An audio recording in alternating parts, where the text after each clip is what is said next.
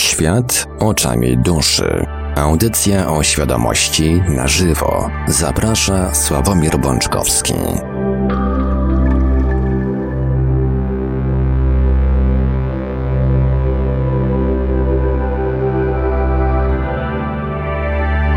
Pierwszy luty 2021 roku, poniedziałek, krótko po 20, wypadałoby zacząć pierwszy w tym miesiącu odcinek audycji Świat oczami duszy, audycji o świadomości w całości na żywo, przy mikrofonie i za starami technicznymi audycji jak zawsze Marek Sękiewelios, a po drugiej stronie połączenia internetowego jest z nami jak zawsze gospodarz audycji pan Sławek Bączkowski. Dobry wieczór panie Sławku. Dobry wieczór panie Marku, witam wszystkich bardzo serdecznie. Tradycyjnie, zanim przekażę głos panu Sawkowi, przypomnę kontakty do Radia Paranormalium. Dzwonić będzie można w drugiej części naszej audycji, ale numery telefonów i wszelkie inne kontakty warto zapisać sobie już teraz. Nasze numery telefonów to jak zawsze stacjonarne 32 746 0008, 32 746 0008, komórkowy 536 20 493, 536 20 493, skype radio.paranormalium.pl. Jesteśmy także na GG pod numerem 36 08 8002, 36 08 8002. Jesteśmy też na czatach Radia Paranormalium na www.paranormalium.pl oraz na czatach towarzyszących naszym transmisjom na YouTube. Można nas także spotkać na Facebooku, na fanpage'ach Radia Paranormalium i pana Sławka Pączkowskiego, na grupach Radia Paranormalium i czytelników Nieznanego Świata, a jeżeli ktoś woli, to możemy także wysyłać pytania, komentarze i różne inne wiadomości odnoszące się do naszej audycji na nasz adres e-mail radiomapa.paranormalium.pl.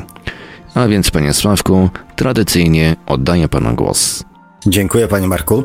E, kochani, Witam Was bardzo serdecznie i bardzo gorąco e, w ten e, mroźny, przynajmniej umie, wieczór. Otóż, e, po pierwsze, bardzo dziękuję za ciepłe mm, informacje, za miłe informacje dotyczące poprzedniej audycji. Wiem, że tam był odzew i były też konkretne osoby, które się z naszym gościem, czyli z Sabiną, kontaktowały e, już tak na zasadzie konkretów i, mm, i, i jakichś takich konkretnych działań, więc to mnie mm, bardzo cieszy. Cieszy mnie również to, że mm, dostałem takie fajne, e, miłe informacje na temat ogólnie swojej działalności, zwłaszcza radiowej, bo większość z Was z tej strony mnie zna najlepiej. Cieszę się też, że mm, kilka osób e, z tego, co mi wiadomo, mm, doceniło narzędzie jako narzędzie i też pomysł, który, mm, który co jakiś czas się pojawia e, w naszych audycjach, dotyczący mm, konkretnych rozwiązań, które możemy, e, które możemy stosować, żeby troszeczkę modyfikować i polepszać przede wszystkim stan swoich emocji no a przez to też i jakość, jakość własnego życia.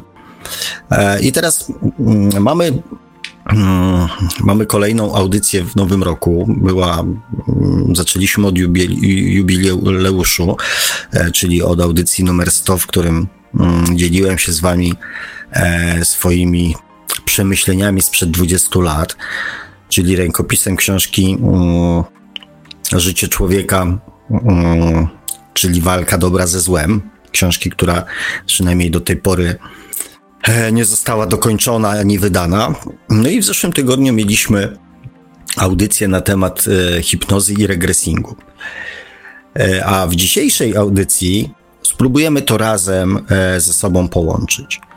Ponieważ zwłaszcza po setnej audycji mm, był taki mm, dość duży oddźwięk, jak, jak na wasze reakcje poaudycyjne, to dość duży oddźwięk e, na temat emocji, które z mojej strony się pojawiły w setnej audycji, e, kiedy mm, gdzieś tam bardzo dobitnie mm, powiedziałem, co sądzę na temat e, mm, na temat e, rozwoju duchowego.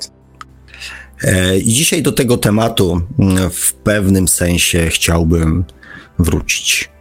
Kochani, nie wiem, czy zauważyliście i czy mm, też do takich wniosków doszliście, e, podczas ostatniej audycji, że e, dość wyraźnie zostało powiedziane, że my jako ludzie mamy taką naturę, że nie chcemy poprawiać swojego życia. Nie wiem, czy wyłapaliście ten wątek, czy to tylko ja tak gdzieś e, e, się czepnąłem e, tej informacji. Natomiast patrząc z moich doświadczeń, zresztą z tego też, co rozmawialiśmy z Sabiną, jej, ludzie, którzy przychodzą do niej o tak zwaną pomoc, to właśnie przychodzą nie po to, żeby poznawać siebie, tylko po to, żeby gorzej już nie było. Wtedy, kiedy bardzo często jesteśmy przyparci do muru, kiedy wyczerpiemy wszelkie możliwe, dostępne dla nas e, metody przeciwdziałania temu, co złego dzieje się w naszym życiu. I to jest bardzo istotne. Przeciwdziałania temu, co złego dzieje się w naszym życiu. To jest motyw, y, to jest motywacja dla nas do działania, żeby nie było już gorzej. Większość ludzi nie rusza tyłka w momencie, kiedy jest im dobrze. Kiedy w miarę ogarniają sytuację, kiedy w miarę sobie radzą, to nie ruszają tyłka, żeby cokolwiek zrobić. W momencie, kiedy to, co e, niefajnego w naszym życiu się dzieje, zaczyna nam już bardzo mocno doskwierać. Wtedy większość ludzi zaczyna wykonywać jakieś ruchy. Nie dlatego, żeby było lepiej, tylko dlatego, żeby nie było gorzej. E, dla mnie, który mm, od dawien dawna szuka różnych metod, różnych sposobów, różnych pomysłów, jak poprawiać życie, jest to osobista tragedia, ponieważ ludzi, którzy chcą poprawiać swoje życie, jest mało. Ludzi, którzy tak sami z siebie chcą poprawiać swoje życie. To poprawianie takie mm, samo z siebie właśnie skupia się na, znaczy sprowadza się do czytania książek, do oglądania filmów, do dyskusji, do jakiegoś dzielenia się wiedzą z innymi, czy podpytywania, czy rozmawiania na ten temat, jeżeli jest oczywiście z kim. Do tego sprowadza się, sprowadza się nasze działanie, kiedy nie jest nam jeszcze tak źle. I dla mnie osobiście to jest pewnego rodzaju porażka. Ponieważ po co komu mówić o tym, że jego życie może być lepsze? W jednej z audycji pojawił się taki argument, że jestem nieprzekonywujący. I to jest właśnie ciekawe, że żeby pewnym sensie skłonić człowieka do poprawy swojego życia, trzeba go przekonać. Natomiast, żeby człowiek ratował resztki, jakąś resztki namiastki jakiegoś normalnego życia, wtedy człowieka nie trzeba przekonywać. Wtedy on ma motywację do działania. Wtedy szuka sposobów, szuka rozwiązań, e, szuka ludzi, mm, szuka środków. I jeżeli e, na przykład w kategoriach finansowych przekładając to tak, zapłać 100 zł, a powiem ci, jak możesz poprawić swoje życie. No to mi szkoda pieniędzy. Ale jeżeli jesteś już tak przyciśnięty do, no, do muru, już twoje życie jest tak po prostu podłe, takie nie do wytrzymania, to zapłacisz 1000 zł, żeby nie było gorsze. Chociaż najprawdopodobniej dowiesz się dokładnie tego samego, co dowiedziałbyś się na tych warsztatach, czy tam na tym spotkaniu za 100 zł.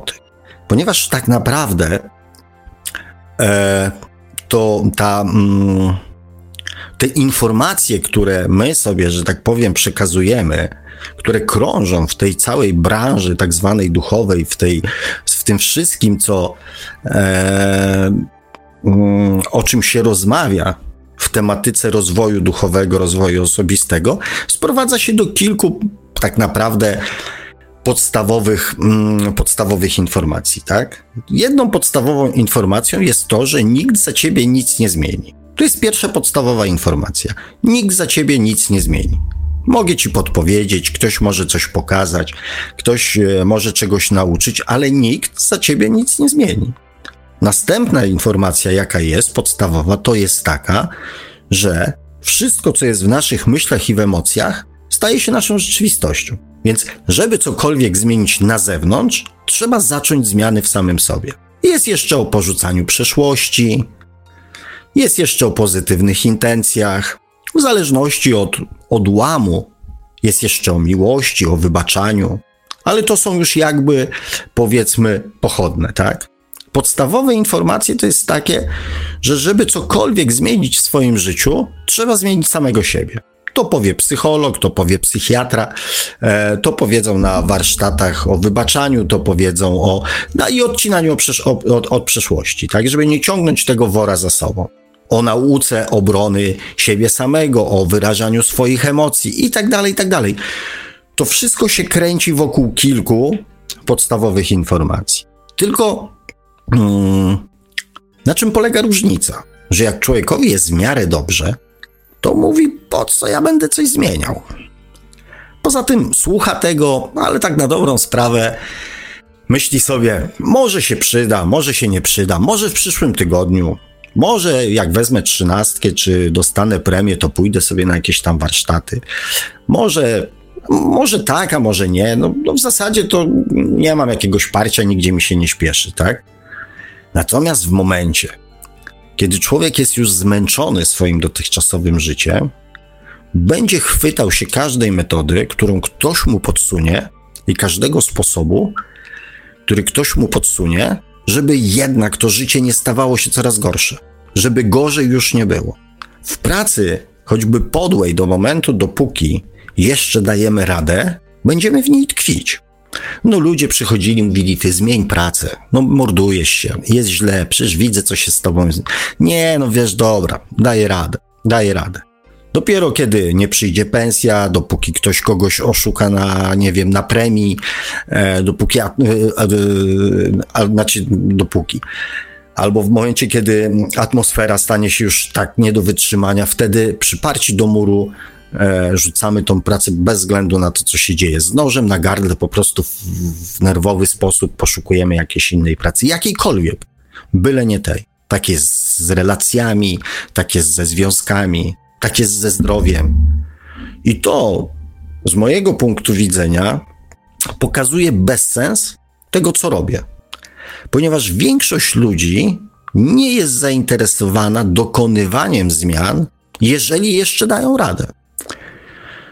E, dlaczego tak się dzieje?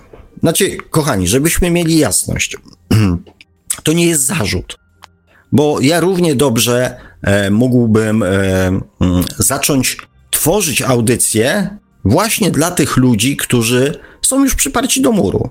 I zamiast nazwać audycję Świat oczami duszy, nazwałbym ją Świat oczami czarnej dupy.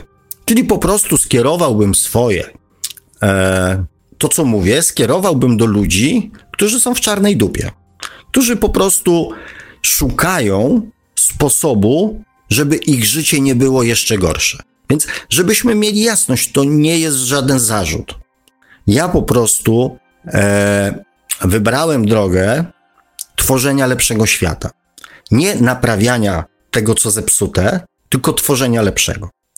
E, dla mnie to jest e, trochę taka różnica, jak bycie lekarzem na porodówce e, albo na ojomie.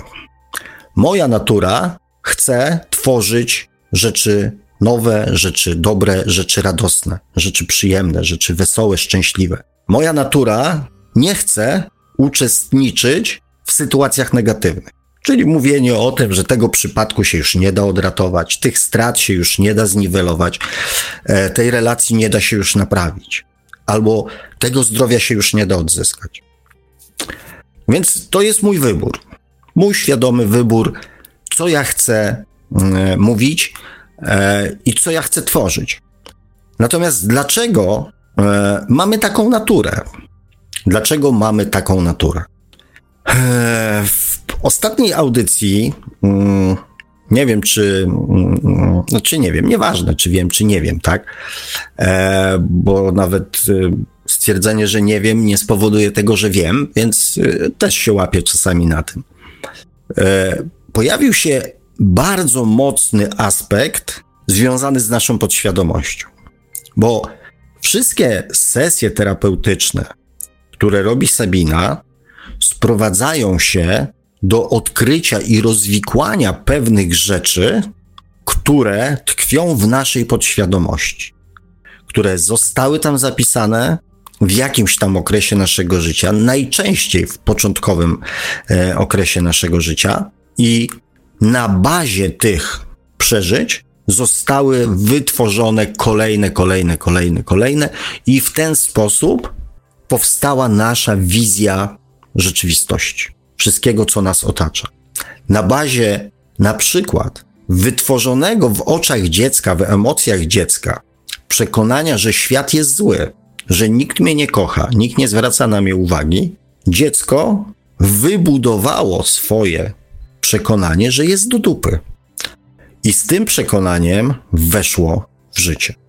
Na podstawie najczęściej jednego bądź kilku doświadczeń, które teraz z perspektywy czasu oceniamy zupełnie inaczej. Wtedy, jako dzieci, malutkie dzieci, nierozumiejące nic dzieci, oceniliśmy to inaczej. W tej chwili patrzymy na to zupełnie inaczej. Natomiast wytworzyliśmy osobowość, która ma o sobie przekonanie, że na nic nie zasługuje.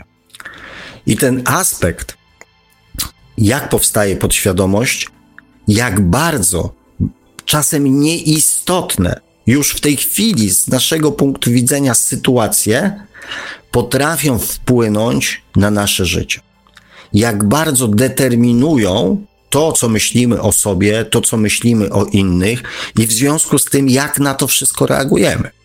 I to był bardzo, bardzo silny e, aspekt poprzedniej audycji. E, I dlatego o tym mówię, bo my żeśmy dużo mm, w poprzedniej audycji rozmawiali o technikach, o przypadkach, o, o, o samej metodzie, mm, o zaletach tej metody i, i, i paru innych rzeczach. I być może, e, znaczy nie być może, z pewnością mało było właśnie tego, podkreślenia tego, jak bardzo małe sytuacje z naszego dzieciństwa potrafią zmienić e, ukształtować nasz charakter, naszą osobowość. I od razu mówię, że z punktu widzenia naszej duszy, naszej duchowości, w tym też nie ma przypadku. Jest to pewnego rodzaju celowe działanie naszej duszy, czyli nas samych w stworzeniu nam odpowiednich warunków do tego, żeby przeżyć jakieś tam konkretne historie. Więc przypadku nie ma i też z duchowego punktu widzenia temat podświadomości można by było zostawić jako jakby ważny aspekt naszego doświadczenia, ponieważ przechodząc przez konkretne historie, my doświadczamy i w ten sposób rozwijamy swoją świadomość. To tak na marginesie, żeby nie było, że, mm, że ja tą podświadomość też w jakiś tam sposób e, z duchowego punktu widzenia demonizuję. Ona nie jest przypadkowa.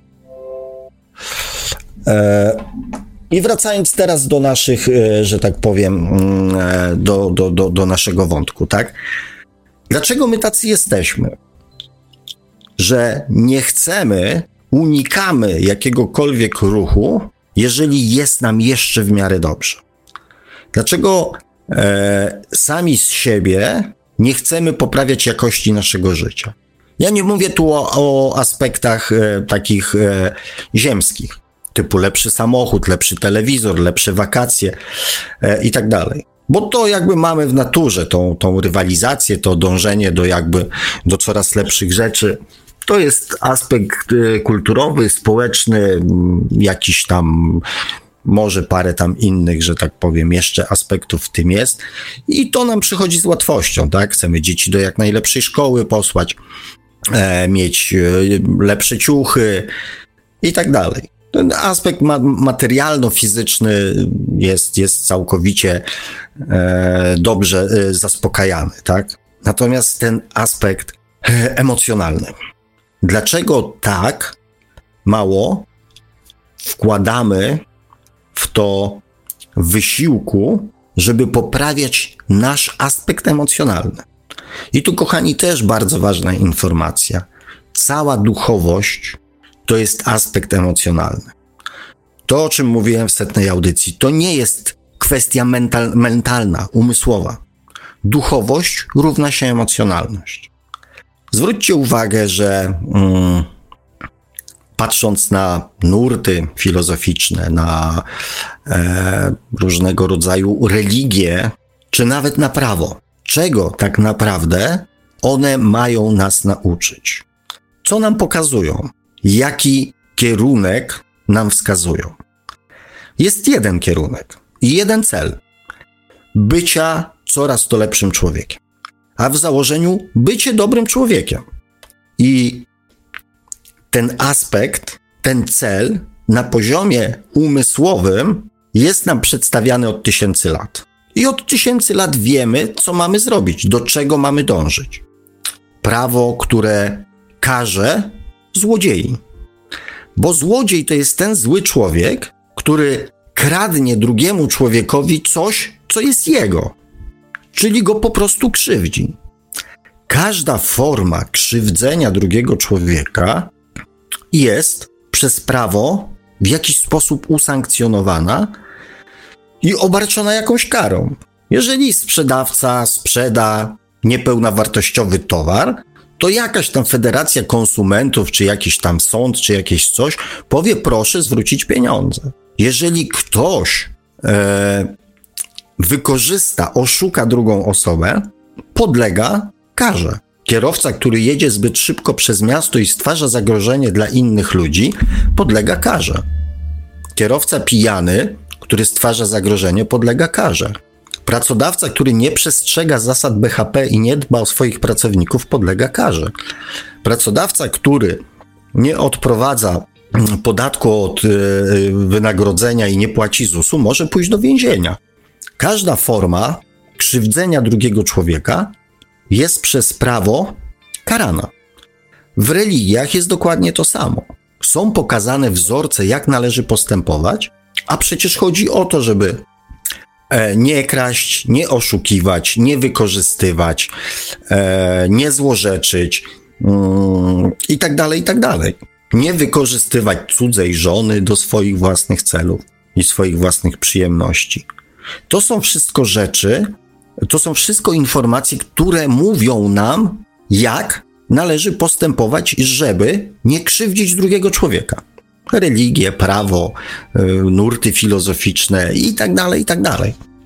Więc na poziomie mentalnym my doskonale od tysiącleci wiemy, jak należy postępować. I nic się nie zmienia. Ponieważ duchowość to nie jest stan, emocji, stan umysłowy. Więc właśnie, dlaczego tak trudno nam jest dokonywać zmian w życiu? Bo nawet może jesteśmy bardzo wierzącym człowiekiem i nawet być może trochę boimy się tego pójścia do piekła. Ale jednak, jak wyjdziemy z kościoła, to jak nam ktoś, jakaś babcia wyjdzie przed samochód, to ją strąbimy i poślemy jej parę krótkich. A jak wrócimy do domu, to i tak, że tak powiem, e, opieprzymy, e, nie wiem, swoją żonę, swoje dzieci, czy kogokolwiek tam innego, kto nam wpadnie, czy na przykład psa, bo mamy zły nastrój. Mimo, że wiemy, że dużo wypadków powstaje na drogach e, powyżej, jeżeli się jeździ z nadmierną prędkością, to i tak będziemy jechali szybciej, ponieważ nam się śpieszy. Dopiero jak zobaczymy radiowóz na drodze albo wypadek, wtedy zdejmujemy nogę z gazu, ponieważ mm, pojawia się aspekt emocjonalny. Kochani, cały klucz tego, cały powód, dlaczego tak trudno nam dokonywać zmian, tkwi w naszej podświadomości, ponieważ nasza podświadomość jest tak skonstruowana, że wszystko to, co nam podpowiada, chociaż podpowiedź to jest słowo bardzo delikatne określenie, e, bardzo delikatne określenie dla tego, co ona robi, ponieważ ona nam narzuca reakcje, narzuca nam zachowania, narzuca nam poglądy, e, narzuca nam w zasadzie wszystko łącznie e, z objawami psychosomatycznymi. Cały problem tkwi w naszej podświadomości, znaczy problem. Problem, nie problem, to jest mechanizm. I tak po prostu jesteśmy skonstruowani. I tyle. Znaczy, byłoby tyle, gdybym chciał was zostawić jakby z problemem, e, który nie, mm, nie jest. E, znaczy, gdybym chciał was zostawić z problemem, to mógłbym powiedzieć koniec, tak? E, natomiast chcę wam, cały czas staram się rozmawiać o sposobach, o, o możliwościach i tak dalej. Dlatego zwróćcie uwagę, że my jeszcze tak na chwilę o tej podświadomości, bo to bez wątpienia ważny temat, tak? Mamy kiepską pracę, z jakiegoś powodu kiepską. Może nie finansowo, ale za to na przykład, nie wiem, rozwojowo, perspektywicznie, atmosfera do kitu. Mamy kiepską robotę. Coś nam w niej nie odpowiada, nie realizujemy siebie, nie jesteśmy doceniani. Albo na przykład kiepsko zarabiamy, na tyle mało, że nie stać jest nas na wiele rzeczy, na które chcielibyśmy sobie pozwolić, tak? Ponieważ to my wybraliśmy tą pracę z naszego punktu widzenia świadomie, to nasza podświadomość mówi: zostaw, zostaw.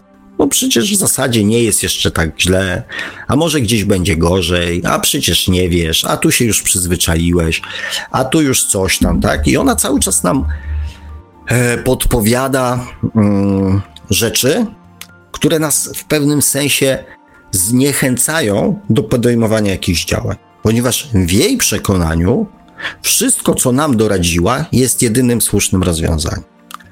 I dlatego my tak długo tkwimy w niektórych sytuacjach. Dlatego tak trudno nawet z negatywnymi sytuacjami nam się rozstać. Dopiero jak dociera do nas bardzo mocny impuls emocjonalny, bo te rozmowy te z podświadomością toczymy trochę tak jakby na poziomie umysłowym, mentalnym właśnie. To wtedy są rozmowy, to wtedy są przekonywania, to wtedy są argumenty, wtedy są rozważania i nic się nie zmienia. Dopiero bardzo silny, albo silny przynajmniej impuls emocjonalny popycha nas do zmian.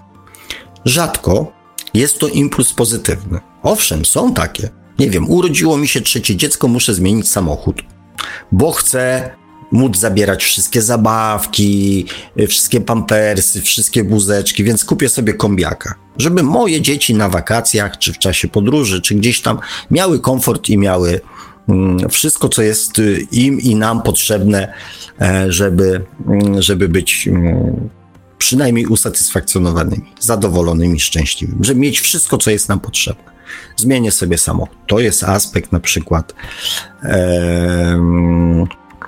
impuls pozytywny, tak?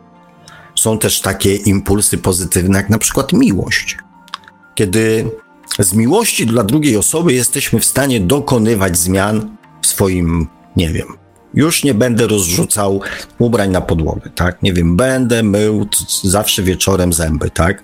Będę się golił na przykład. Zadbam o siebie nie wiem, pójdę na siłownię, tak, nie wiem, schudnę i tak dalej, i tak dalej. Zmienię coś w swoim postępowaniu, tak. Nie będę już jeździł na, do agencji, nie będę już uprawiał hazardu, rzucę palenie, tak. Jesteśmy w stanie z miłości pewne rzeczy zmieniać. To jest kolejny bardzo silny aspekt mm, emocjonalny. Ale najczęściej tymi silnymi bodźcami emocjonalnymi które zmuszają nas do dokonywania zmian, są sytuacje negatywne. Najczęściej wtedy, kiedy już nie dajemy rady sobie z czymś poradzić, tak? Czwarty związek, taki sam, znowu klapa, znowu rozpad, znowu coś.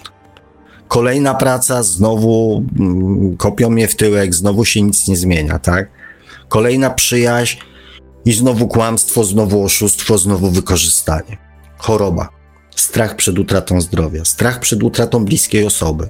Jeżeli nie przestanę pić, to stracę rodzinę.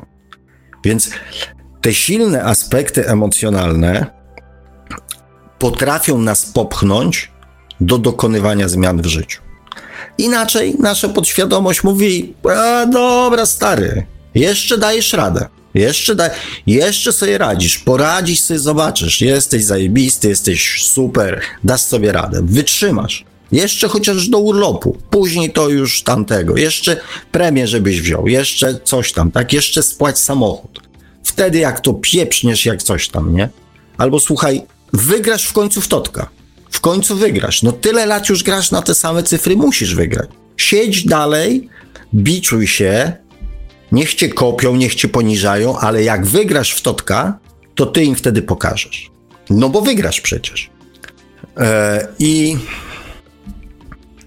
I tu się właśnie kotłują, stykają się ze sobą e, dwa światy. To, o czym mówiłem w audycji setnej, o pierwszym tytule pierwszej mojej książki, którą chciałem napisać, to była właśnie walka dobra ze złem. Życie człowieka, czyli walka dobra ze złem. Jeden aspekt to jest ten aspekt emocjonalny, i drugi aspekt to jest ten aspekt podświadomościowy, umysłowy, ten taki świadomy ludzki. Na tej płaszczyźnie dochodzi do bardzo wielu naszych wewnętrznych starć. Zwróćcie uwagę mm, na jedną rzecz. Co jest największą potrzebą człowieka? Inaczej.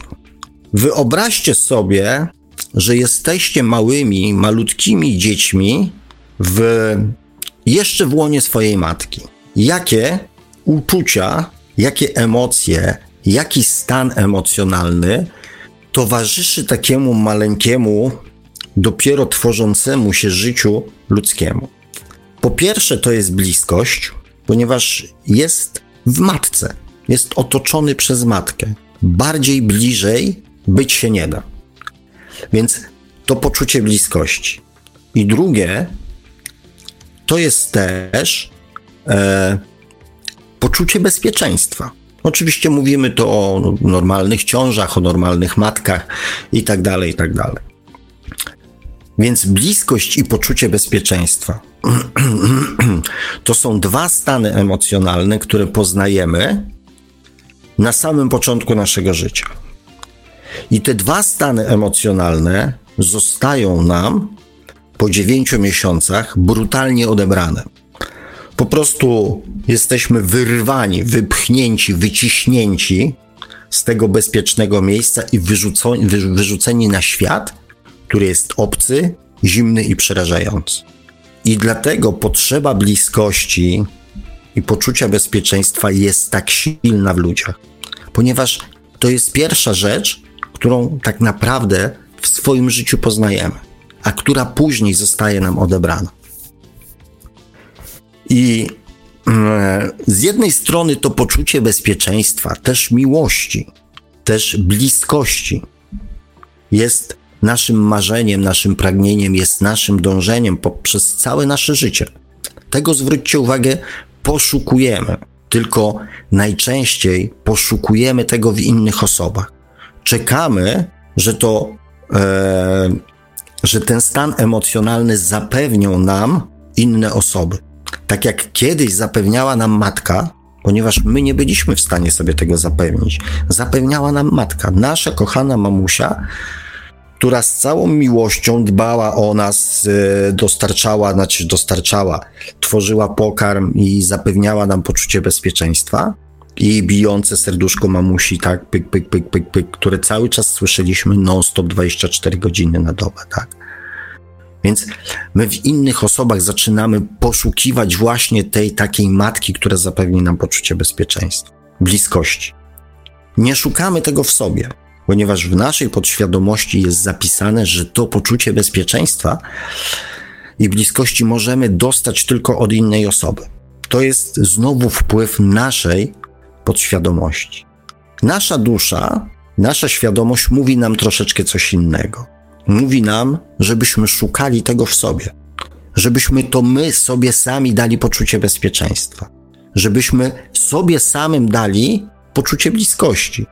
Bliskości ze wszystkimi jakby płaszczyznami naszego życia i z duszą, i z naszą podświadomością.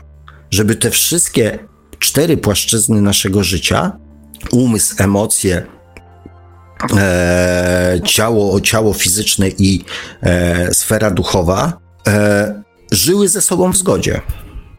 Żebyśmy e, dali sobie to poczucie bezpieczeństwa i bliskości na wszystkich płaszczyznach naszego życia. Na przeciwwadze stoi nasza podświadomość, która mówi nie, to, to, to, to nie ma znaczenia. To, tu umysł, tu tylko to, tylko tamto, koniec. I dlatego tak bardzo opieramy się zmianom, ponieważ większość zmian blokuje nasza podświadomość. Ona nie chce zmian. Ona jest przeciwna zmianom. Ona jest święcie przekonana, tak jak my jesteśmy święcie przekonani, że wszystkie decyzje, które podejmujemy, są jedynymi słusznymi decyzjami. I cała wojna nie toczy się na zewnątrz. Cała wojna toczy się w nas. Ta walka, którą drogą pójść, e, którą wersję wybrać, która wersja jest prawdziwa, którą opcję zastosować w swoim życiu. To jest temat naszych odwiecznych wewnętrznych bojów, które nas po prostu od środka pozbawiają energii, chęci do życia, entuzjazmu, zapału, radości. Chociaż my nie mamy już siły się w pewnym momencie sami z sobą boksować. Niektórzy mówią, dobra, niech się dzieje, co ma się dziać. Trudno, ja już nie mam siły. Niech się dzieje, co ma się dziać. Nieważne, co to będzie. Ja już mam dosyć tej walki, nie wiem, gonitwy, mordęgi, stresów, tego, śmego, owego. Niech się dzieje, co ma się dziać. Ale zawsze to się dzieje, albo przynajmniej prawie zawsze dzieje się to wtedy, kiedy właśnie już nie mamy sił.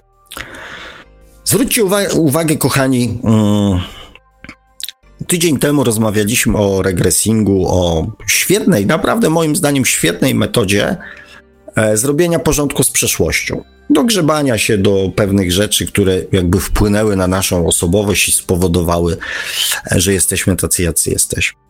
Natomiast tych metod poznawania samego siebie, czy możliwości dokonywania zmian w samym sobie, podczas tych ostatnich stu audycji było, e, było kilka, może kilkanaście. Może z propozycjami słuchaczy nawet kilkadziesiąt. Zresztą sami doskonale je znacie, bo więcej, e, że tak powiem, e, czytacie i, i patrzycie w internecie niż ja. Więc z pewnością było ich e, ileś tam. I już abstrahując od tego, kto e, i kiedy i czy w ogóle którąś z tych metod spróbował zastosować. Wcielić w życie, w swoim, spróbować, przetestować na sobie. Już abstrahując od tego, co też jest ciekawą wskazówką, tak? Można dostać do ręki narzędzie i z niego nie skorzystać. Można mieć w kieszeni wkrętarkę, a wkręcać śrubkę śrubokrętem. I tak wiele osób tak robi. Dopiero jak rozboli ręka, dopiero jak śrubokręt się złamie, to wtedy sięgamy po inne narzędzie. Bo to już, to już się nie nadaje. Trzeba szukać czegoś nowego.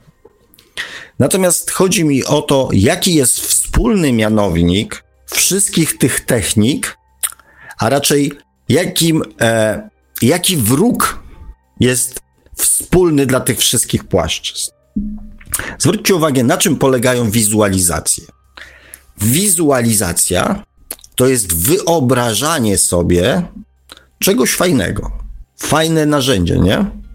I co? Więc dlaczego nie siadamy, zamiast oglądać telewizję, dlaczego nie siadamy i po przyjściu z pracy nie mm, 5 godzin przed snem nie wizualizujemy sobie fajnych rzeczy w swoim życiu? Noż przyjemna robota. Siedzimy, pijemy sobie kaweczkę, jakieś orężadę albo co kto tam lubi, zamykamy oczy, wchodzimy w inny świat, jesteśmy spokojni. Właśnie, czy jesteśmy spokojni? Bo gdybyśmy byli spokojni, to byśmy siedzieli i sobie wizualizowali. Kurde, no czy, czy jest coś fajniejszego, przyjemniejszego i prostszego na świecie niż wizualizować sobie swoje własne marzenia? No kochani, jest coś prostszego? Albo oddychanie. Czy jest coś prostszego na stres, za co nie trzeba płacić, trwa bardzo krótko, niż oddychanie?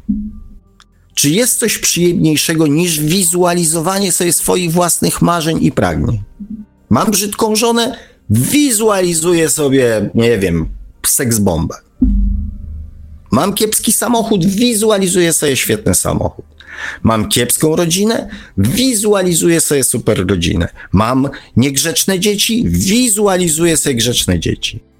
Jeździłem na wakacje nad morze, gdzie albo padało, albo było zimno, wizualizuję sobie wakacje na Bali. Mam kiepską pracę, wizualizuję sobie pracę, w której jestem kierownikiem i zarabiam 10 tysięcy złotych miesięcznie. Ileż pięknych rzeczy można sobie wywizualizować. Więc w czym jest problem?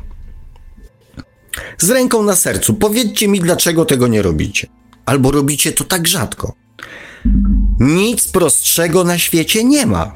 Ja przynajmniej nie słyszałem o niczym prostszym. To są wizualizacje, to są marzenia. Medytacja.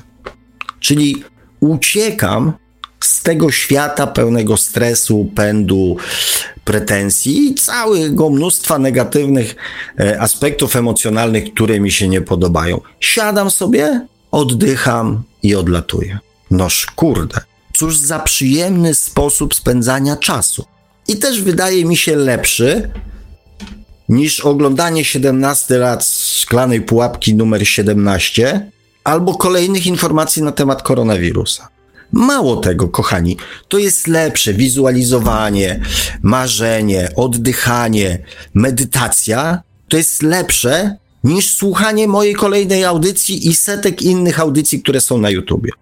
To jest lepsze od najlepszej książki o duchowości. Wiecie dlaczego?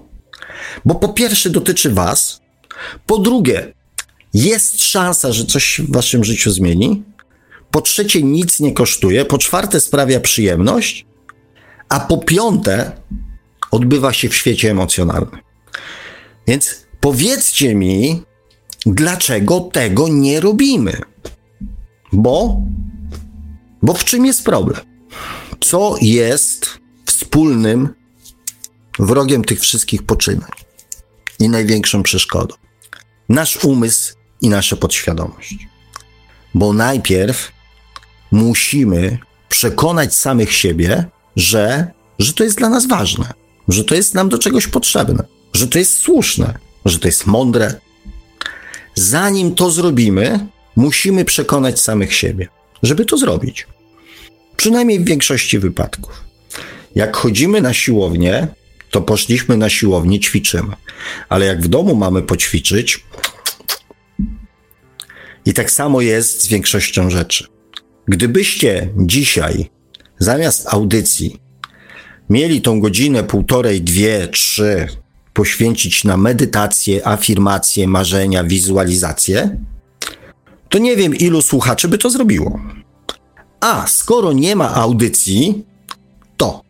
Więc e, najpierw trzeba przekonać samego siebie. To jest pierwszy problem. Żeby w ogóle to zrobić. Drugim problemem jest przekonanie naszej podświadomości, że ta praca, ta żona, ta rodzina, ten dom, te wakacje, o których zaczynamy marzyć, wizualizować, mogą się w ogóle spełnić. Że to w ogóle ma jakiś sens. Bo przecież to nie ma sensu. Przecież twoja żona nie wypięknieje, bo nie. Przecież nie kupisz sobie samochodu, bo z Twoją pracą i z Twoimi kredytami to będziesz go spłacał 300 lat. Twoje dzieci nie staną się grzeczne tylko dlatego, że sobie to wymarzyłeś. I tak dalej, i tak dalej. Więc ciągle musimy samych siebie przekonywać. Przekonywać swój własny umysł i swoją własną podświadomość. Że chcemy zrobić coś innego niż robiliśmy do tej pory. A skoro jest to coś innego, to z pewnością nie jest to nic tak ważnego i potrzebnego, bo skoro przeżyliśmy 20, 30, 40, 50, 60 czy 100 lat bez robienia tego, to znaczy, że nie jest to nam nieodzowne do życia. A po co ma to życie być lepsze? To też jest fajne. To jest znane, to już wiesz, to już rozumiesz, to umiesz. Więc E, kochani, tak e, powoli e, zbliżając do się do e, jakiegoś podsumowania tej części oficjalnej, chciałem Wam to jakoś podsumować. W naszej naturze nie leży dokonywanie zmian, dlatego że chcemy mieć lepiej. Przynajmniej w, na tej płaszczyźnie emocjonalnej. I mm, żeby dokonywać jakichś zmian, musi pojawić się jakiś aspekt emocjonalny, który jakby przełamie ten nasz mentalny i podświadomościowy upór, spowoduje, że wszelkie dostępne dla naszej podświadomości metody zostaną wyczerpane, wtedy zaczynamy szukać innych sposobów, innych pomysłów. Często tracąc czas na bezsensowne różnego rodzaju nerwowe podrygi, e, które i tak do tej pory w naszym życiu się nie sprawdziły. I kto jest naszym głównym przeciwnikiem, naszym głównym balastem e, w naszym dążeniu do dokonywania zmian, ja wiem już od dawna. Tym balastem jest nasza podświadomość. I żeby dokonywać zmian w naszej podświadomości, potrzebujemy wejść w świat emocji, ponieważ w tym świecie emocji możemy wytwarzać impulsy, które zmobilizują nas, popchną nas do tego, byśmy chcieli nasze życie tworzyć lepszym. Wszystkie działania na poziomie mentalnym, na poziomie umysłowym nie dają efektu. Dlatego powtórzę to po raz kolejny. Rozwój duchowy, rozwój osobisty to nie jest czytanie książek, to nie jest oglądanie filmów, to nie jest poszerzanie wiedzy. Rozwój osobisty, rozwój duchowy to jest dokonywanie zmian w swoich emocjach. Nie w swoim stanie wiedzy, w swoich emocjach.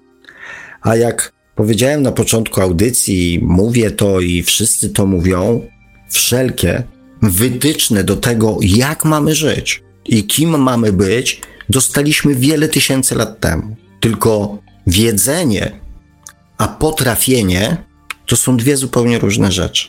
Można coś wiedzieć i tego nie robić. Tak jak z jazdą w terenie zabudowanym. Wiemy, ale tego nie robimy. Tak jak z miłością, którą wiemy, że jest najcenniejszym darem, jaki mogliśmy dostać. Wiemy, tylko żądamy tej miłości od innych, a nie staramy się tą miłość wytwarzać samemu i dawać innym ludziom. Tak samo jest z dobrem i wieloma innymi rzeczami. Wiedza tego nie spowoduje naszej umiejętności tworzenia takich emocji. Wiedza, jakie emocje są wartościowe, ważne, potrzebne, fajne, miłe, przyjemne, nie powoduje umiejętności wytworzenia takich emocji.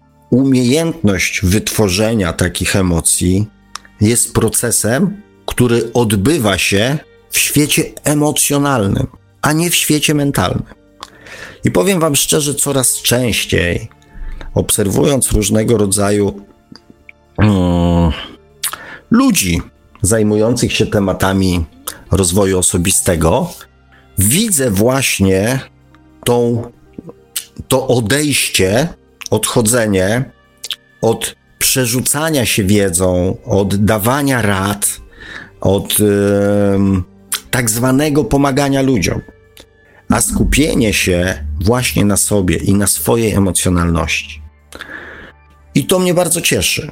Mnie, e, który wybrał sobie drogę tworzenia lepszego świata. Nie naprawiania złego, tylko tworzenia lepszego świata. Bardzo mnie to cieszy.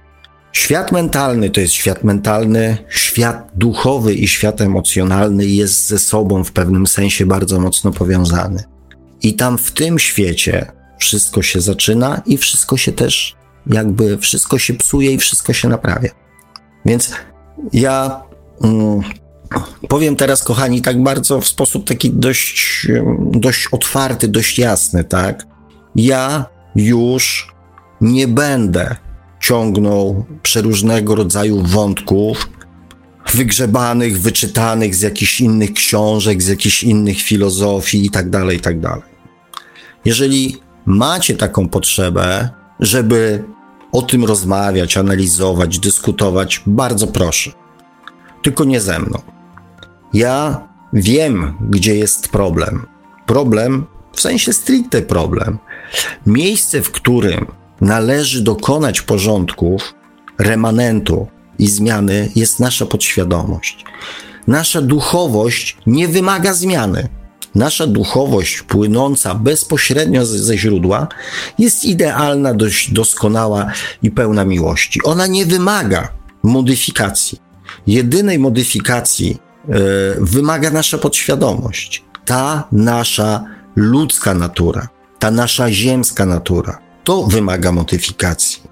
I tu trzeba skupić swoją uwagę, jeżeli chce się faktycznie dokonać jakichś zmian w swoim życiu. Ja jestem nastawiony na dokonywanie zmian, na szukanie sposobów, metod, pomysłów, aby, te, aby to było jak najprzyjemniejsze, aby nam się chciało chcieć, a nie na mm, rozkminianiu jakichś tam sytuacji hipotetycznych i tak dalej, i tak dalej. Ja skupiam całą swoją uwagę na dokonywaniu zmian, na rozwoju, a nie na mm, zdobywaniu wiedzy. Więc jeżeli kogoś ta moja deklaracja rozczaruje, e, no to trudno, no to, to, to, to, no to w pewnym sensie tak, no jest mi przykro, tak, ale też mam taką nadzieję, że w którymś momencie e, kochani ci, którzy być może w jakiś sposób będą zawiedzeni tym, co powiedziałem, że w którymś momencie jeszcze będziemy mieli okazję się spotkać ale już wtedy na tej drodze dokonywania zmian.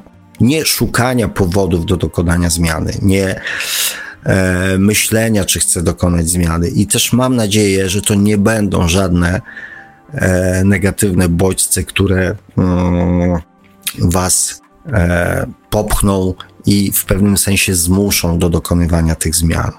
Ja z całego serca wszystkim sobie również życzę jak najwięcej pozytywnych bodźców, które będą nas popychały do tego, że będziemy chcieli nasze życie zmieniać na fajniejsze, na przyjemniejsze.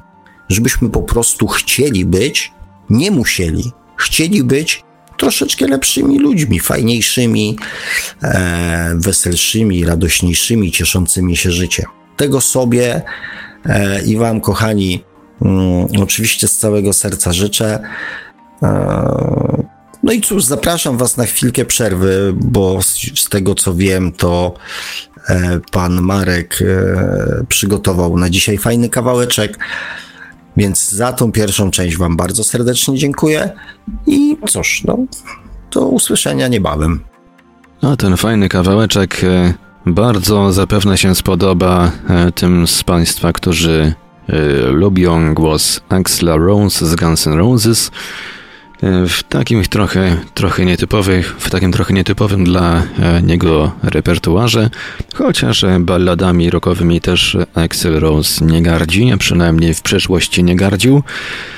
E, usłyszymy w bardzo dobrej jakości dźwięku nagranie, które krąży po internecie jako bootleg, oczywiście bootleg w mono, tam źle zmiksowane z usterkami dźwiękowymi. Ja całkiem przypadkiem Odnalazłem to nagranie w bardzo dobrej jakości i stereo, a więc dzisiaj nam zaśpiewają Tom Petty, nieżyjący już niestety, i Axel Rose, a utwór nosi tytuł Free Falling. My w Radio Paranormalium do audycji Światła Oczami Duszy powracamy za jakieś 4,5 minuty. Radio Paranormalium, paranormalny głos w Twoim domu. Zostańcie Państwo z nami.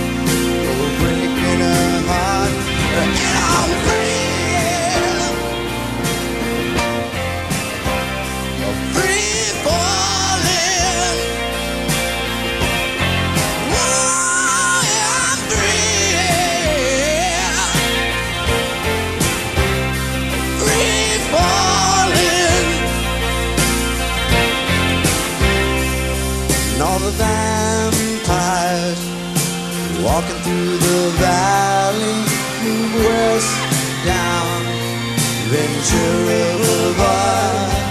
all the bad boys Who's standing in the shadows And the good girls Are home with broken hearts.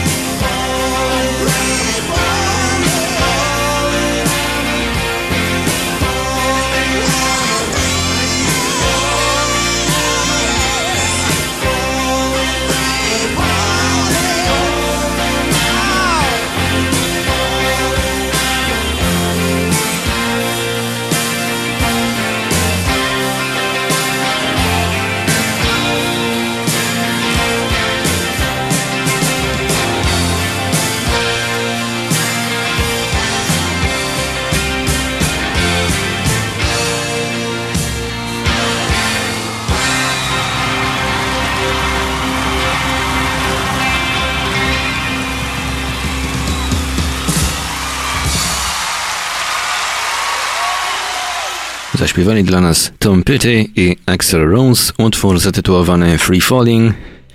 Nagranie całkiem przyjemnej jakości e, wykonania tego utworu na żywo, wyemitowane kiedyś przez e, MTV. Jakiś dobry człowiek w takiej właśnie jakości wrzucił to ostatnio na YouTube. E, ja to jakoś tak trafiłem zupełnym przypadkiem. No, myślę, że warto w tej lepszej jakości troszkę to nagranie bardziej upowszechnić. A tak swoją drogą to ciekawe, czy ciekaw jestem, czy pandemia i wynikające z ograniczeń pandemicznych ograniczenie środków finansowych e, zmusi kiedyś pana Axla Rose do ruszenia wreszcie dupy do studia i nagrania z Guns N' Roses czegoś nowego. Mam taką cichą nadzieję, bardzo cichą. E, może kiedyś coś nowego jeszcze od Axla usłyszymy. A tymczasem w Radiu Paranormalium wracamy do audycji Świat oczami duszy. Mamy dzisiaj 1 luty 2021 roku.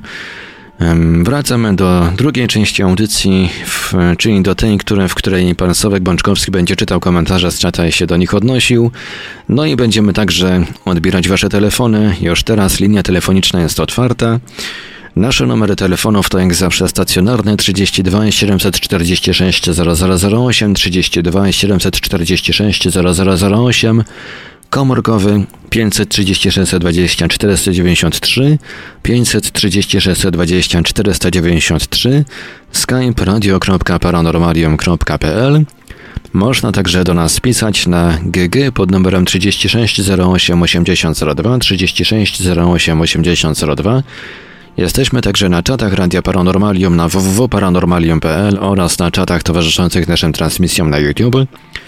Można nas także spotkać na Facebooku, na fanpage'ach Radia Paranormalium i pana Sławka Bączkowskiego, na grupach Radia Paranormalium i Czytelników Nieznanego Świata, a jeżeli ktoś woli, to może nam także wysyłać pytania, komentarze i różne inne wiadomości odnoszące się do naszej audycji na nasz adres e-mail radiomapa.paranormalium.pl Dziękuję, dziękuję panie Marku. Zapraszam oczywiście tak, jeżeli ktoś E, chciałby się tutaj, e, mówię, swoimi przemyśleniami, ewentualnie mm, zadać jakieś pytania telefonicznie i wziąć e, w taki bardziej żywy udział w naszej dyskusji, to oczywiście przyłączam się do, do pana Marka.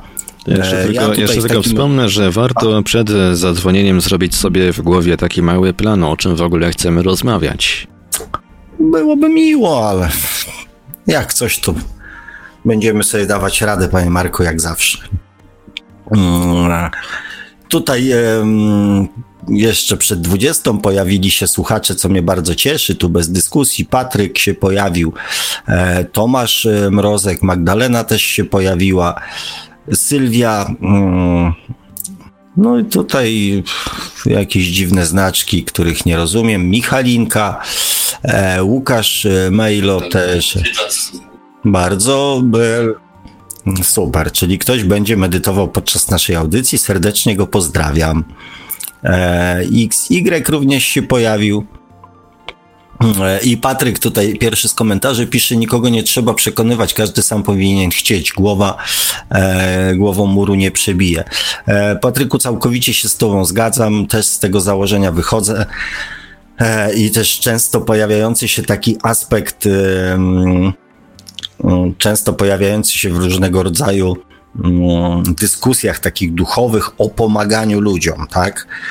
E, ja się jak najbardziej od e, takiej wersji swojego działania e, odcinam, bo ja może i chciałbym mieć taką moc, żeby móc pomagać, tak? Natomiast prawda jest taka, że jeżeli chcemy pomocy, to najlepszej pomocy możemy udzielić e, sami sobie i e, ponieważ większość rzeczy, które dzieje się w naszym życiu, sami sobie gdzieś tam na głowę albo czasami na tyłek ściągnęliśmy, więc tylko sami możemy to e, zmienić. Więc e, tak, całkowicie się zgadzam, że tu przekonywanie, zresztą ja mówiłem, ja, ja, ja nie zamierzam, kochani, e, nie zamierzam nikogo przekonywać. Mogę przekonywać argumentami do słuszności tego, co mówię.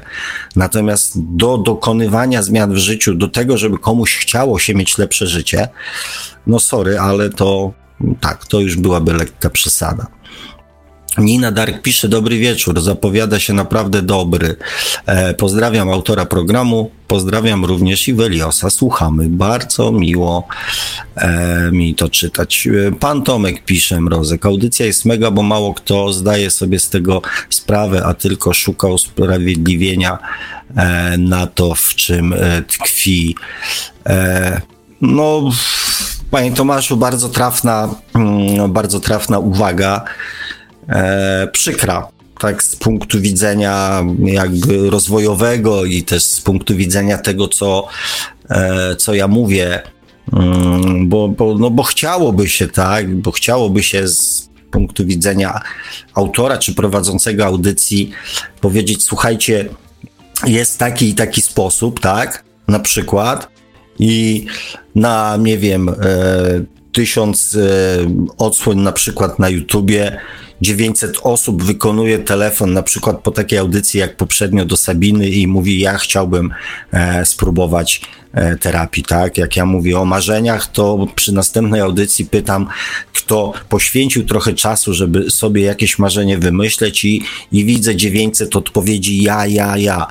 E, więc owszem, takie jest, e, takie jest moje marzenie, tak? Nie 90 tysięcy odsłon, tylko 90% trafności tego, co mówię, z chęcią wcielenia tego w życie. To w moim, dla mnie to, to, to, będzie sukces, tak? 90% skuteczności. Nie ilość, tylko, tylko jakby skuteczność. Zdzichosław pisze, to mogłaby być ciekawa audycja, ale nie wiem. Eee, Y, jakiego tematu miałoby to dotyczyć.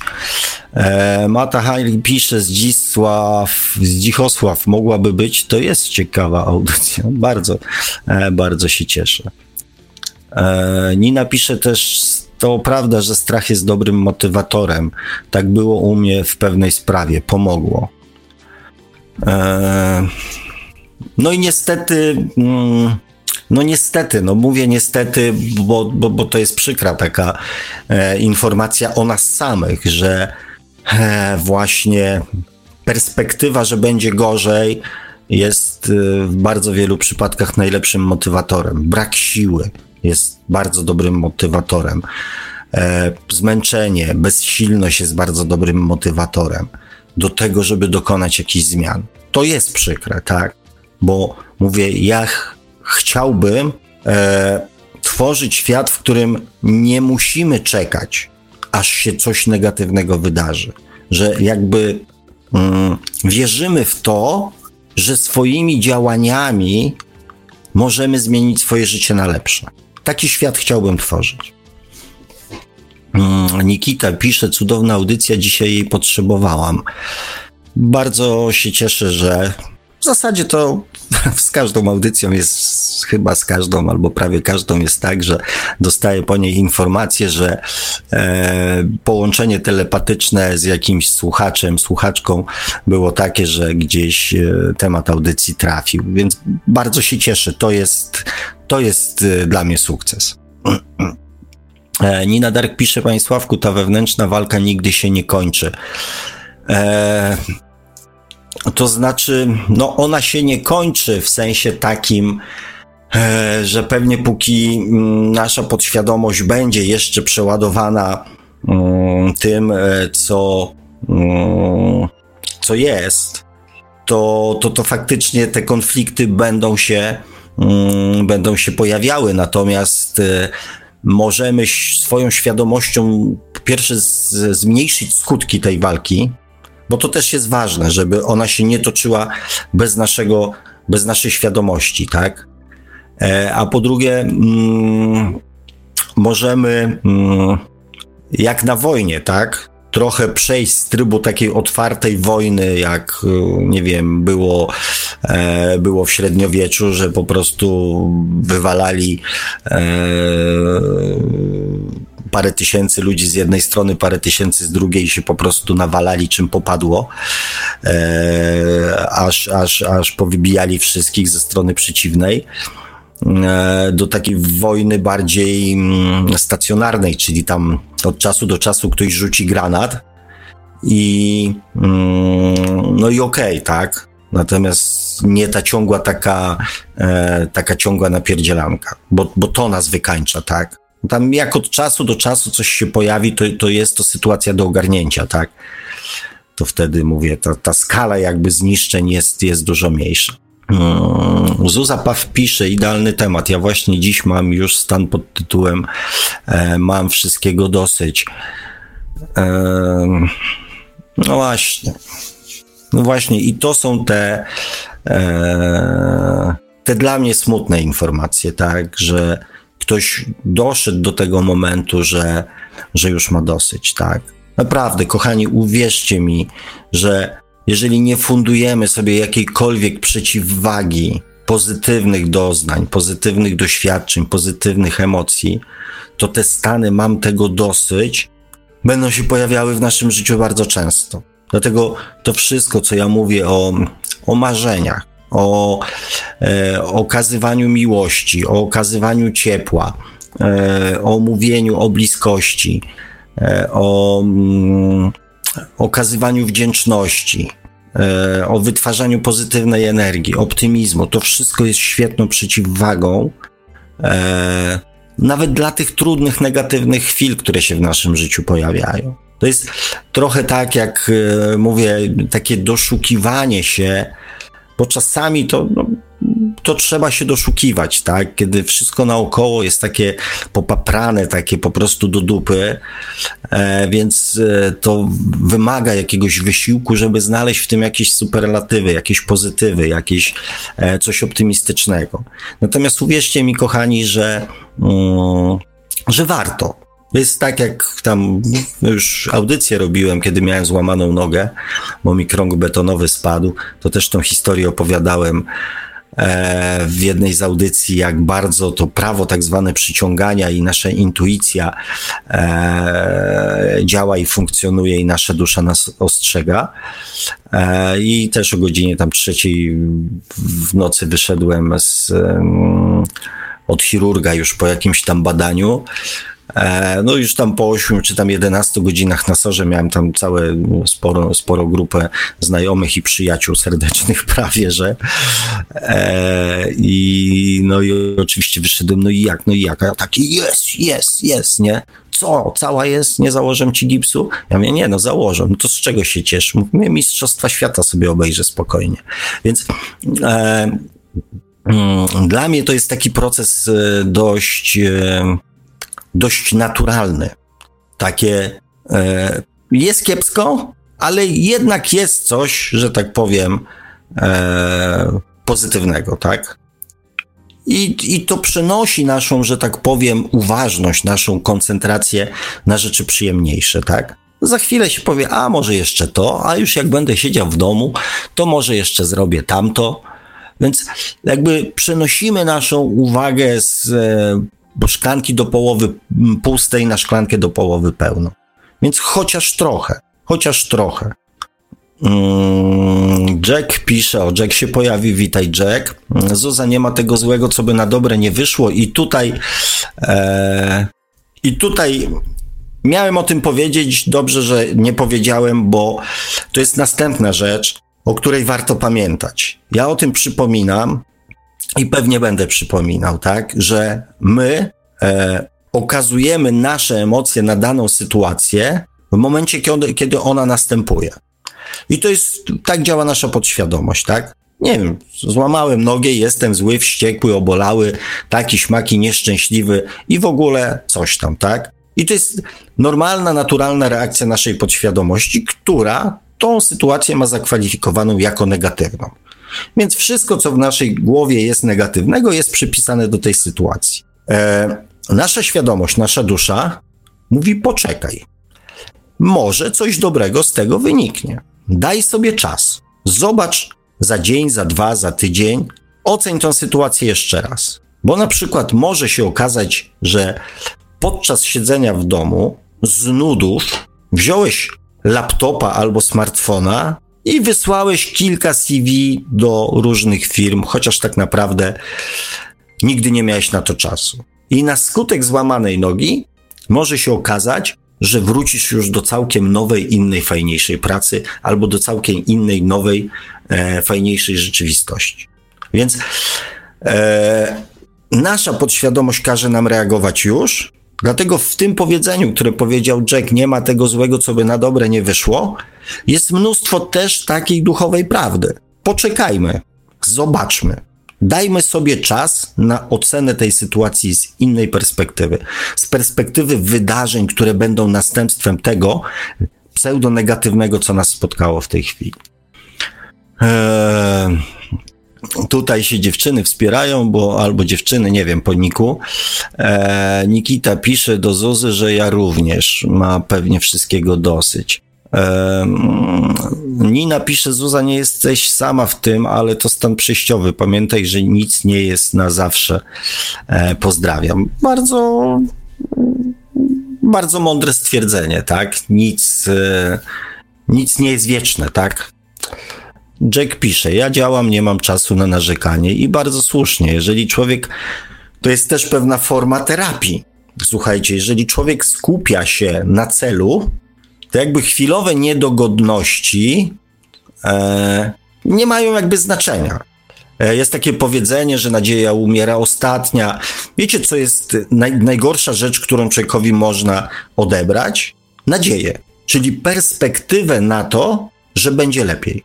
Człowiek do momentu, dopóki wierzy, że może wydarzyć się coś, co poprawi jakość jego życia, że spotka w końcu tą miłość, że zmieni w końcu tą pracę, że wyzdrowieje. Gdyby ktoś przyszedł i powiedział: Nie, nie spotkasz nikogo wartościowego do końca swojego życia. Albo nie, nigdy nie wyzdrowiejesz, albo do końca życia będziesz tyrał tutaj w tej fabryce za te gówniane pieniądze.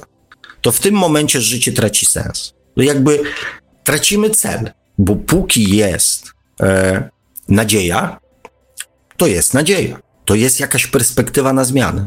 I dlatego działanie jest właśnie w dużej mierze wynikiem tej nadziei, że będę coś robił, będę działał, to coś się zmieni. Jak nic nie będę robił, to z pewnością się nic nie zmieni, bo no nie ma takich jakby praw, które by bez e, naszego udziału, jakiegokolwiek, czy to jest mentalny, czy emocjonalny, czy, czy fizyczny udział, coś zmieniły.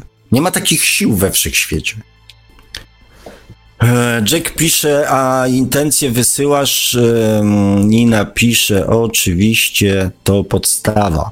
Mm, no, jak widzicie, kochani, e, są e, słuchacze, którzy znają techniki, znają metody, z nich korzystają. Mało tego, z tego, co ja tutaj wnioskuję, z tych komentarzy, to mają się dobrze. Więc to jest kolejny argument, że warto że jednak warto działać, że jednak warto cokolwiek, e, e, cokolwiek tworzyć w swoim życiu. Zuza pisze, wiem, ludzie kochani, to stan przejściowy i ja widzę w tym stanie piękne światełko na końcu tunelu e, i uśmieszek na twarzy, więc e, cieszę się bardzo, Zuzo. E, ja ci życzę, żeby ten tunel był jak najkrótszy. Mm.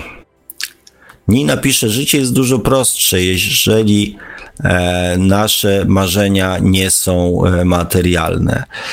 E, to znaczy, ja akurat nie dokonuję podziału na marzenia materialne i niematerialne, e, aczkolwiek marzenia mm, e, materialne wymagają e, jakby więcej czasu i więcej zachodu mm, i też niosą ze sobą chyba najwięcej mm, najwięcej rozczarowań, bo dają taki namacalny dowód, że coś się nie udało.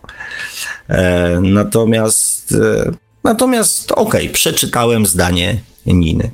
E, Mateusz Siwek pisze, wczoraj miałem bardzo realistyczny sen, w którym działo się wszystko. Byłem w tym śnie e, na weselu Polańskiego e, i będzie od podcastów o świadomości i mojego pierwszego stanu świadomego, który wydarzył się przypadkiem.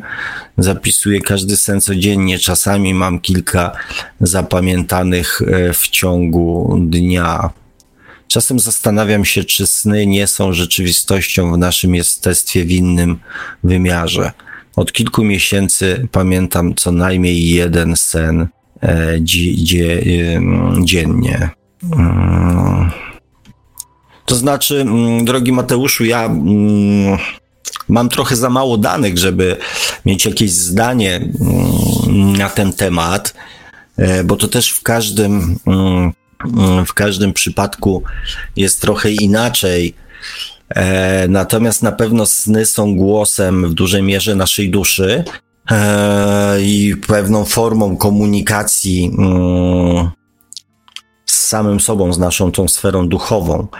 Natomiast znaczenie tych snów może być tu, znaczy jest bardzo indywidualne.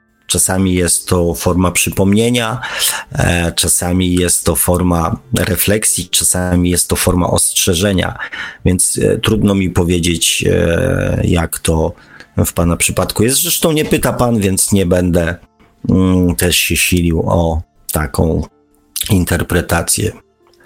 E, Nina pisze, wiecie, że z tego co słyszę, to dziwne rzeczy dzieją się z naszymi snami ostatnio. Ja nawet boję się pisać, e, co mnie się śni. Mam nadzieję, że to faktycznie sny, a nie co innego, bo zacznę się e, bać. E, no, Nino, tak jak powiedziałem, tak, tutaj każdy. Mm, dla każdego, znaczy dla każdego, no pewnie można by było to jakoś pogrupować, tak, ale to są bardzo indywidualne, mm, bardzo indywidualne odbiory. Ja e, wiem, że mm, intensywność doznań będzie się teraz już, e, czyli tego takiego dobijania się naszej duszy do nas, będzie się mm, zwiększała.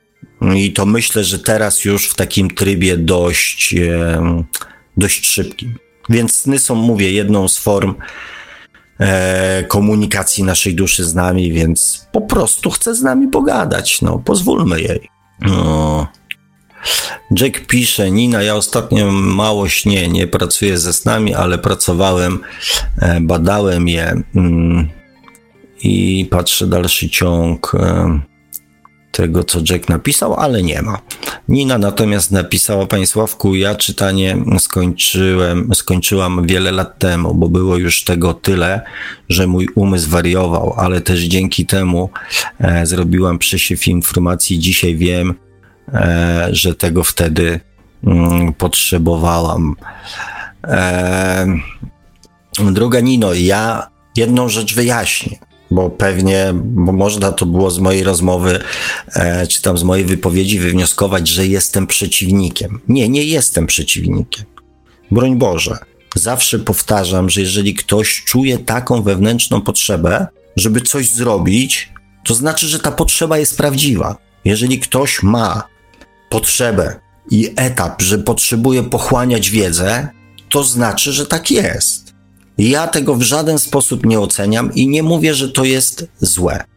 Ja tylko wiem, i ty, i, i, i ty, droga Nino, też wiesz, że to jakby nie dokonuje zmian w życiu. Ja tylko o tym mówię, że w kontekście dokonywania zmian skupianie się na wiedzy jest nieskuteczne. Natomiast jeżeli ktoś chce zdobywać wiedzę, to niech ją zdobywa, natomiast niech nie myśli, że zdobywanie tej wiedzy zmieni jakoś zasadniczo jego życie. I druga, drugi aspekt tego jest taki, że ja skupiam się na dokonywaniu zmian.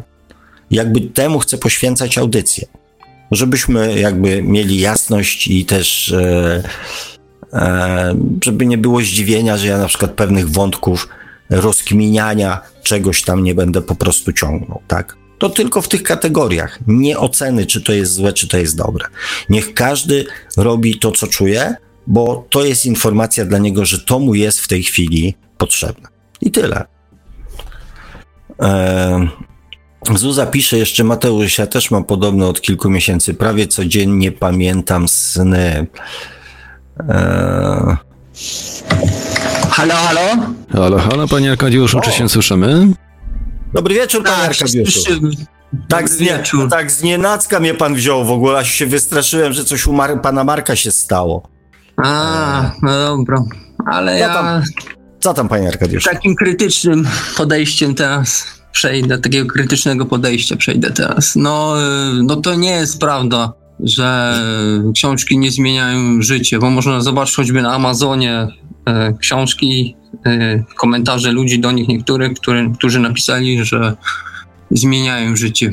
Ale jeszcze dodam to, aby dokonać zmian, należy zdobyć wiedzę lub inspirację. Taką wiedzę uzyskał na przykład miliony ludzi, którzy przeczytali na przykład jedną z książek Rozmowy z Bogiem Niala Donalda Walsha. Była to książka, która była bestsellerem przez 137 tygodni, potem została przetłumaczona na 34 języki. Autor dostał ponad 100 tysięcy listów od ludzi, którzy pisali, że materiał wpłynął na ich życie pozytywnie.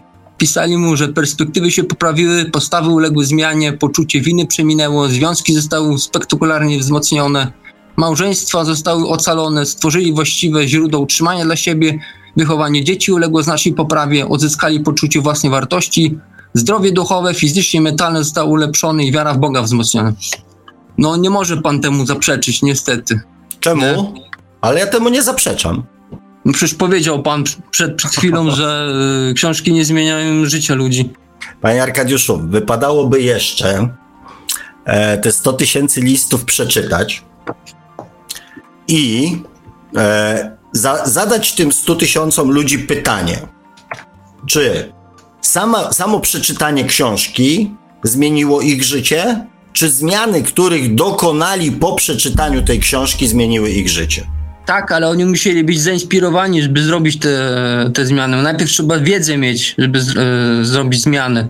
Zdo, e, zrobić w życiu jakieś zmiany. Ja to widzę u innych ludzi, to samo. Jak oni siedzą i nic nie zdobywają, żadnej wiedzy, nic nie robią, no to siedzą w tym samym punkcie cały czas, całe życie. Ale A jak po inspirację, ja cały... to wtedy dostaną kopniaka i zobaczą, że coś jest nie tak w ich życiu, nie? No. Ja, ja się zastanawiam, czy pan e, jakby nie, mm, nie neguje z zasady.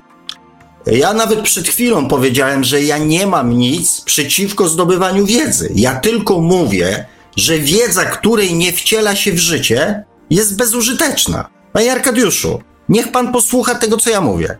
Wiedza sama w sobie jest bezużyteczna. Natomiast wiedza, którą wcielamy w życie, ma sens. Ja, broń Boże, nie mam nic przeciwko czytaniu książek, zdobywaniu wiedzy, oglądaniu filmów. Ja tylko mówię, że z tą wiedzą należy coś w praktyczny sposób zrobić, czyli wcielić ją w życie.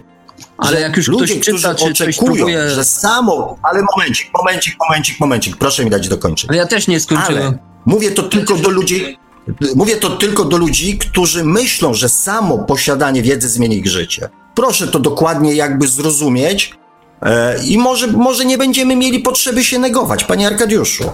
Ale chodzi o to, że jak już ktoś czyta i już jest ciekawy, to już jest zaczątek tego, że chce coś zmienić.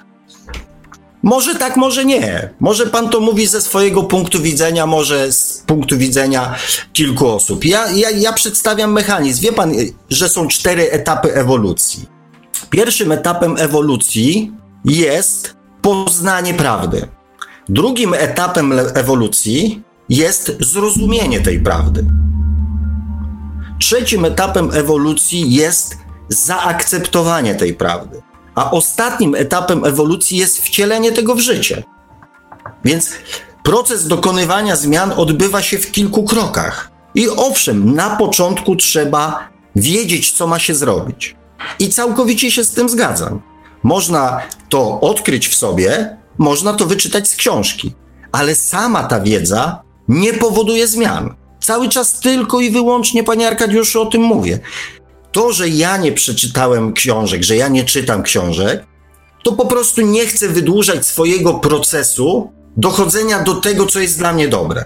Bo jakby ktoś napisał książkę, to, co jest dobre dla Sławomira Bączkowskiego kompendium, i tam by było wszystko napisane, to wolałbym przeczytać tą książkę w dwa dni, niż poświęcać temu, do czego doszedłem 20-30 lat. Natomiast nikt tej książki nie napisał i nikt jej nie napisze. Więc ja zamiast wcielać różne scenariusze różnych osób, bo dla jednego jest dobra wiara w Boga, dla drugiego będzie ateizm i odrzucenie wszystkiego. Dla innego będą aspekty buddyjskie, a jeszcze dla innego na przykład jakaś tam inna filozofia będzie przekonywująca i będzie właściwa dla jego rozwoju.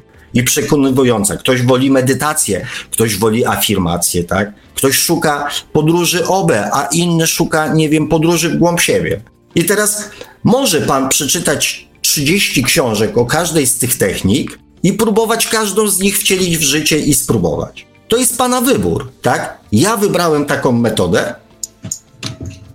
I po prostu, jeżeli mówię, że problemy są w podświadomości, to jeżeli ktoś chce jeszcze przeczytać następnych 30 książek po to, żeby dojść właśnie do tego, że problemy są w podświadomości, to jego wybór.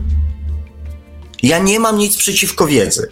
Ja mam tylko przeciwko siedzeniu i pieprzeniu o wiedzy, przekonywaniu się, argumentowaniu, spędzaniu godzin na wymandrzaniu się przed telefonem, przed laptopem, przed komputerem czy przedkolwiek jakim innym i kończenie tej rozmowy bez żadnego wniosku, który nic nie zmienia w moim życiu.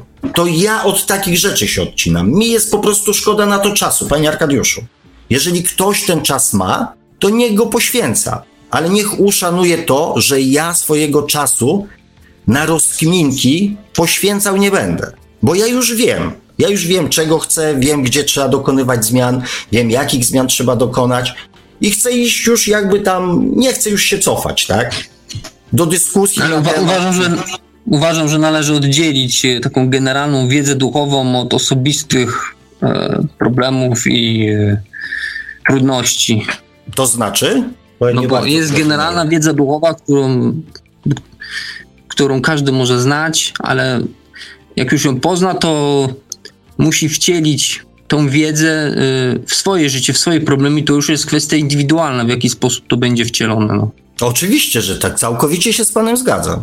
I Pan też na audycji y, raczej stara się taką generalną wiedzę dać dla, y, dla wielu ludzi, nie? Żeby było, żeby można było spełnić oczekiwania wielu osób. No, wie pan, żebym mógł jakby wejść mm, jakby w konkretną sytuację danej osoby, to muszę, musiałbym e, coś więcej się dowiedzieć, żeby, żeby po prostu nie palnąć babola, tak? Nie, nie walnąć e, jakimś tam sloganem, że tam to się skup teraz na wybaczaniu, tak? Jak ktoś mu właśnie, nie wiem, przejechał traktorem przez środek nowo wybudowanego domu, tak? To, to, to, to wie pan, to e, dlatego ciężko mi jest w takich ogólnych wystąpieniach mówić o, o konkretnych rzeczach. Mogę mówić o swoich konkretnych przypadkach, o swoich konkretnych emocjach, bądź mogę z kimś rozmawiać, jeżeli będzie chciał ze mną rozmawiać i coś więcej mi powiedzieć. Natomiast tak, no bazuję na, na pewnego rodzaju ogólnych zasadach. Natomiast całkowicie się z Panem zgadzam, że te ogólne zasady trzeba przystosować do swoich własnych potrzeb, możliwości też czasami, tak? Bo, bo, bo, no to bo znaleźliśmy jeden... porozumienie, no teraz to już jest porozumienie znaczy, między nami. Znaczy, panie Arkadiuszu, ja ogólnie rzecz biorąc nie widziałem konfliktu. Dlatego byłem trochę zdziwiony, bo e, ja, wydaje mi się, że ja wiem e, o co chodzi e, panu, dlatego tak pomyślałem, że być może gdzieś tam w pana jakby mm, jeszcze potrzebach jest, jest ta potrzeba takiej negacji. Bo, bo ja tego konfliktu jakoś tak za specjalnie e, od samego początku nie widziałem. No, no dobra, dobra. No. Okej, okay, dobra. No to się cieszę, że jak, jak dobra, no to ja się cieszę. To jest, e, powiem panu, że w, w audycjach wielokroć e, ta nomenklatura słowna stwarzała dużo problemów E, dużo problemów w komunikacjach, tak, że musieliśmy z panem Kazimierzem, tak, nieraz musieliśmy nieraz i z pięć minut pogadać, żeby e, jakby sobie wyjaśnić, że mówimy o tym samym i, i w bardzo podobny sposób, tak.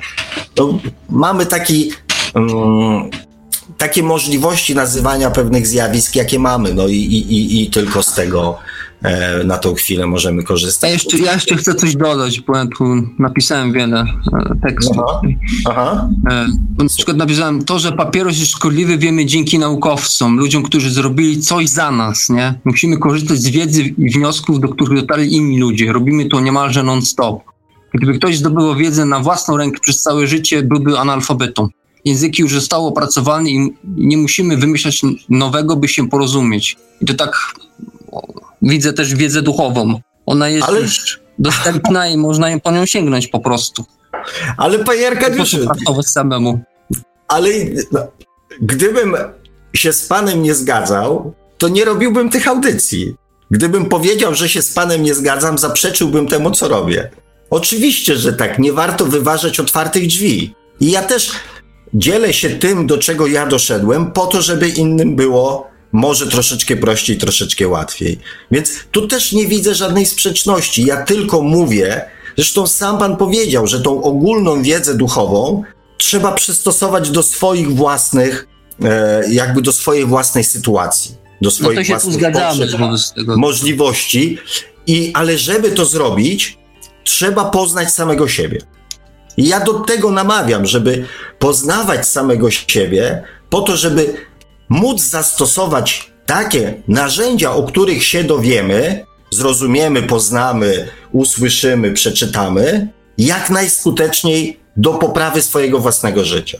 Więc no tu też nie widzę żadnej sprzeczności. Napisałem też tak, każdy, kto nas nakierowuje, jest naszym mistrzem. W dodatku każdy z nas ma przewodnika duchowego. Byciem nauczycielem, pomocnikiem nie jest robieniem czegoś za kogoś. Do nas należą ćwiczenia i trening i ogólnie zmiana życia oraz zdobywanie wiedzy, która tylko leży, by zostać odkryta. Panie Arkadiuszu, to tutaj, e, tu możemy polemizować, tak? Bo to, to tak naprawdę mm, to nie ja decyduję, czy ja jestem mistrzem dla kogoś, czy nie, czy nauczycielem. Rozumie pan? To nie ja decyduję. Ja coś robię, coś mówię, tak? I jeden człowiek powie, Bączkowski pieprzy, a drugi powie, o, od niego się będę uczył, on będzie moim nauczycielem. Jeszcze ktoś inny sobie pomyśli, że jestem dla niego mistrzem. Ja nie wymagam, nie oczekuję i nie namawiam nikogo, żeby mnie w jakikolwiek sposób tytułowali. To my sami nadajemy rangę e, słowom, osobom, osobistościom, wydarzeniom w naszym życiu. To my im nadajemy rangę. Albo je uważamy za bezużyteczne, albo za bardzo wartościowe, albo mistrzowskie, albo takie, albo śmakie. Więc więc ktoś coś takiego napisał i jest w tym, że tak powiem, e, sporo racji, tylko no mówię, trzeba pamiętać o tym, że ktoś może powiedzieć, tak? Ja jestem. Znaczy ja tu napisałem. A, okej. Okay. E, natomiast. Teksty, tak? e, okej. Okay. To teraz też jakby mam jasność, tak? Inną sytuacją jest, kiedy ja mówię, słuchajcie, ja jestem mistrzem. Ja jestem waszym nauczycielem, ja jestem waszym przewodnikiem i tak mnie traktujcie. A innym jest to, jak pan czy ktokolwiek inny będzie o mnie myślał. To są dwie jakby zupełnie różne sytuacje. Więc oczekiwanie, że ktoś będzie do mnie mówił mistrzu, no dla mnie osobiście jest takie słabe, nie? Natomiast jeżeli ktoś sobie potrzebuje mistrza, i powie Bączkowski będzie moim mistrzem, no to ja, ja, ja nie mam jakby na to żadnego wpływu. No ja nazywam mistrzów każdy, każdego, kto mnie nakierowuje w jakiś sposób e, na lepszą ścieżkę, czy daje jakąś wiedzę. To tak na marginesie. Jeżeli e, to jest tak, jeżeli to jest pana, to znaczy, że jest prawdą. A o prawdzie się nie dyskutuje. Jeżeli pan tak to czuje, tak uważa, to jest to realna emocja i realna potrzeba. Więc ona nie jest wyimaginowana, bo jest w panu. Więc dyskusja na ten temat nie ma jakby najmniejszego sensu, tak? O prawdzie się nie dyskutuje. Taka jest pana prawda i okej. Okay. No dobrze, no to, to na razie tyle. Dziękuję. Hmm. Dzięki, panie Arkadiuszu. Mam nadzieję, że już inna troszeczkę atmosfera jest dzisiaj. No inna, inna. No. Okej. Okay. Dziękuję serdecznie. Pozdrawiam. Dziękuję panie Arkadiuszu. Ja jeszcze tylko przypomnę kontakty do Radia Paranormalium. E, nasze numery telefonów to oczywiście jak zawsze stacjonarny 32 746 0008, 32 746 0008. Ktoś tu chyba dzwoni. Pan Wojtek z Wielkiej Brytanii. Halo, halo, panie Wojtku, czy się słyszymy? O, dobry wieczór. Dobry wieczór. Jeszcze tylko przypomnę, przypomnę jeszcze tylko pozostałe kontakty te głosowe, bo z tych tekstowych to Państwo bardzo aktywnie korzystacie, szczególnie z czatów. Nasz numer telefonu komórkowego to jak zawsze 530 620 493, 530 620 493, no i użyty właśnie przez Pana Wojtka skype radio.paranormalium.pl. Tak jest. Dawno niesłyszane, panie Wojtku, co u pana słychać? No, w starym roku żeśmy się słyszeli, a teraz jest no. nowy rok, więc pomijając przyczynę, że chciałem tutaj zadzwonić i złożyć wszystkim słuchaczom i e, autorom audycji, e, czyli panu i, i panu Markowi, który stoi za sterami jak zwykle, E, najlepsze życzenia w całym 2021 roku. Bardzo, ostatnio, bardzo ostatnio bodajże w październiku, pod koniec października albo w listopadzie żeśmy się słyszeli, co nie znaczy, że ja nie słuchałem tutaj was. E, to znaczy pana. Chciałem podziękować za życzenia i oczywiście o, odwzajemnić. Wszystkiego dobrego dla pana. Dziękuję, dziękuję bardzo. E, na początku powiem tak, że czytał pan tam jaki, jakiegoś posta e, słuchaczki chyba, która mówiła, że telepatycznie, telepatycznie to dla niej była ta audycja. Ja, ja dosłownie też tak samo e, to odczułem. W sensie takim, że, że, że no, mam coś tutaj do, do, do powiedzenia. To nie jest nic może odkrywczego, ale, ale, ale, ale to pasuje powiedzmy ta audycja jak ulał do mnie. Myślę, że do, do, wielu, do wielu słuchaczy, e, bo ten, e, ten syndrom taki właśnie nic nie robienia i, i, i tych braku zmian podpowiadanych przez, przez podświadomość to jest e, dość powszechne, jak się tak patrzy naokoło. Nie wyłączając własnej osoby. Ale wynika, to taka pierwsza moja uwaga, to, to moim zdaniem to też wynika, to być może pan powiedział to, że to wynika też y, z takiego właśnie poczucia bezpieczeństwa w tym nawet takim no nie, taki to brzydko zabrzmi, ale w takim syfie, w którym człowiek czasami, czasami siedzi, dlatego że to jest taki syf bezpieczny, w sensie takim, że... że Znajomy. Że tak, znajomy, nie potrzeba żadnego wysiłku, e, jest, bo jest, bo jest. E, póki się, póki się to zupełnie coś tam nie zawali, no to praktycznie 90 z obserwacji moich, to są moje oczywiście takie subiektywne obserwacje, 90 parę procent, nie chcę powiedzieć, że 100%, ale 90 parę procent osób, czy tam ogólnie populacji, e, no mało robi coś w tym kierunku zanim się coś, e, tak jak mówię, no już nie, nie ma tak zwanego noża na gardle, więc e, tak to, tak to właśnie wygląda.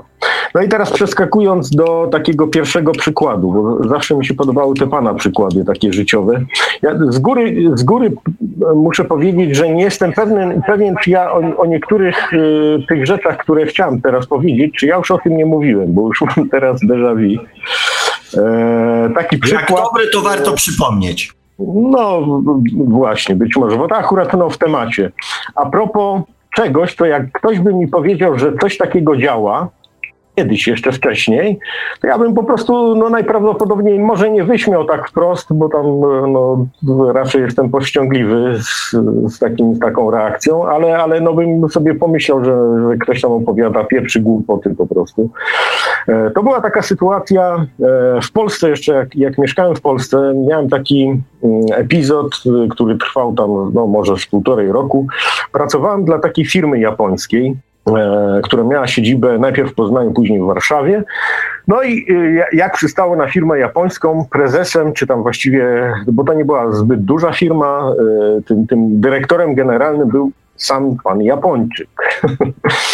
I ten pan Japończyk, ja tam piastowałem do stanowiska jakiegoś przedstawiciela, no, w dziale handlowym generalnie. E, no i jak to pan Japończyk i firma japońska, e, to zupełnie, jeśli ktoś nigdy nie pracował e, dla tej kultury, to, to zupełnie nie wie, z czym się spotyka. To jest zupełnie, zupełnie inny świat, inna bajka. Miałem porównanie, bo wcześniej pracowałem z kolei dla innej francuskiej firmy. To, to, to no jest to dużo bardziej bliskie takim naszym no, polskim jakby przyzwyczajeniom, czy europejskim, no bo teraz mieszkam w Wielkiej Brytanii, no to, to, to, to, to podobnie. E, natomiast dla Japończyków to jest zupełnie. Tam jest, e, jak to ktoś dobrze określił, e, to jest coś, coś takiego jak, jak, jak kapitalizm, ale w wydaniu takim feudalnym. Czyli jest po prostu pan, który jest no, w tym momencie prezesem i on po prostu traktuje tych wszystkich pracowników jako no, takich wyrobników po prostu, tylko takich kapitalistycznych powiedzmy, w świecie kapitalizmu. No i e, bardzo często, pomimo że praca była terenowa, to bardzo często mieliśmy spotkania e, w Warszawie. E, no najpierw Poznaniu, później w Warszawie, w tym biurze handlowym, w samym centrum Warszawy, jeden tam z, z biurowców. I na tych spotkaniach, takich, które no, czasami nawet były, tak jak mówię, no, raz w tygodniu, zwykle zawsze była tak zwana zjebka. to znaczy, czemu idzie tak źle i tak dalej. I, Czyli normalnie, to jest całkiem po polsku. tak jest. No, z, z, tym, że on oczywiście no, mówił, on polskiego nie znał, więc mówił po angielsku, no ale cały, cały ten team y, też był anglojęzyczny. Więc no, wyrażał swoje niezadowolenie z wyników sprzedaży i tak dalej, i tak dalej. Za dużo osób nie było, ale zauważyłem, e, po, po, po, no może nie po pierwszym miesiącu, bo to był jakiś taki okres i powiedzmy próbny, ale tam po, po miesiącu, po dwóch, po trzech, że on naj, najwięcej pretensji ma zawsze do mnie. Jakoś wszystko mu się nie podoba po prostu. Wszystko mu się, co bym nie zrobił, co bym, e, jaki kontrakt bym tam nie podpisał z jakimś klientem, po prostu mi się nie podoba. Wtedy już to, to, trzeba dodać. Wtedy już, i tutaj przejdę tak jakby równolegle, e, znaczy poserwuję do, do, do drugiego tematu. Byłem po, po takim kursie rozwoju osobistego, który, tutaj muszę dodać, e, niewykluczone, że on ma trochę wspólnego z tym, co tydzień temu słuchałem, e, gdzie była pa, pan gościł panią Sabinę. Tak Dlatego, że sam ten termin e, regressing i to, co słyszałem na antenie, wiadomo, że to było tylko, no tam, nie wiem, godzinę czy półtorej, to jest coś, co ja e, no, szlifowałem tam w tamtym czasie już wcześniej. Ja zresztą panu kiedyś tam o, tak bardzo ogólnikowo o tym mówiłem, że tam, że, że, że, że też, też się czymś takim zajmowałem. Więc mm, też znałem pewne jakieś tam techniki z tego, z, z, tego, z tego właśnie kursu. I tak sobie pomyślałem, mówię, słuchaj,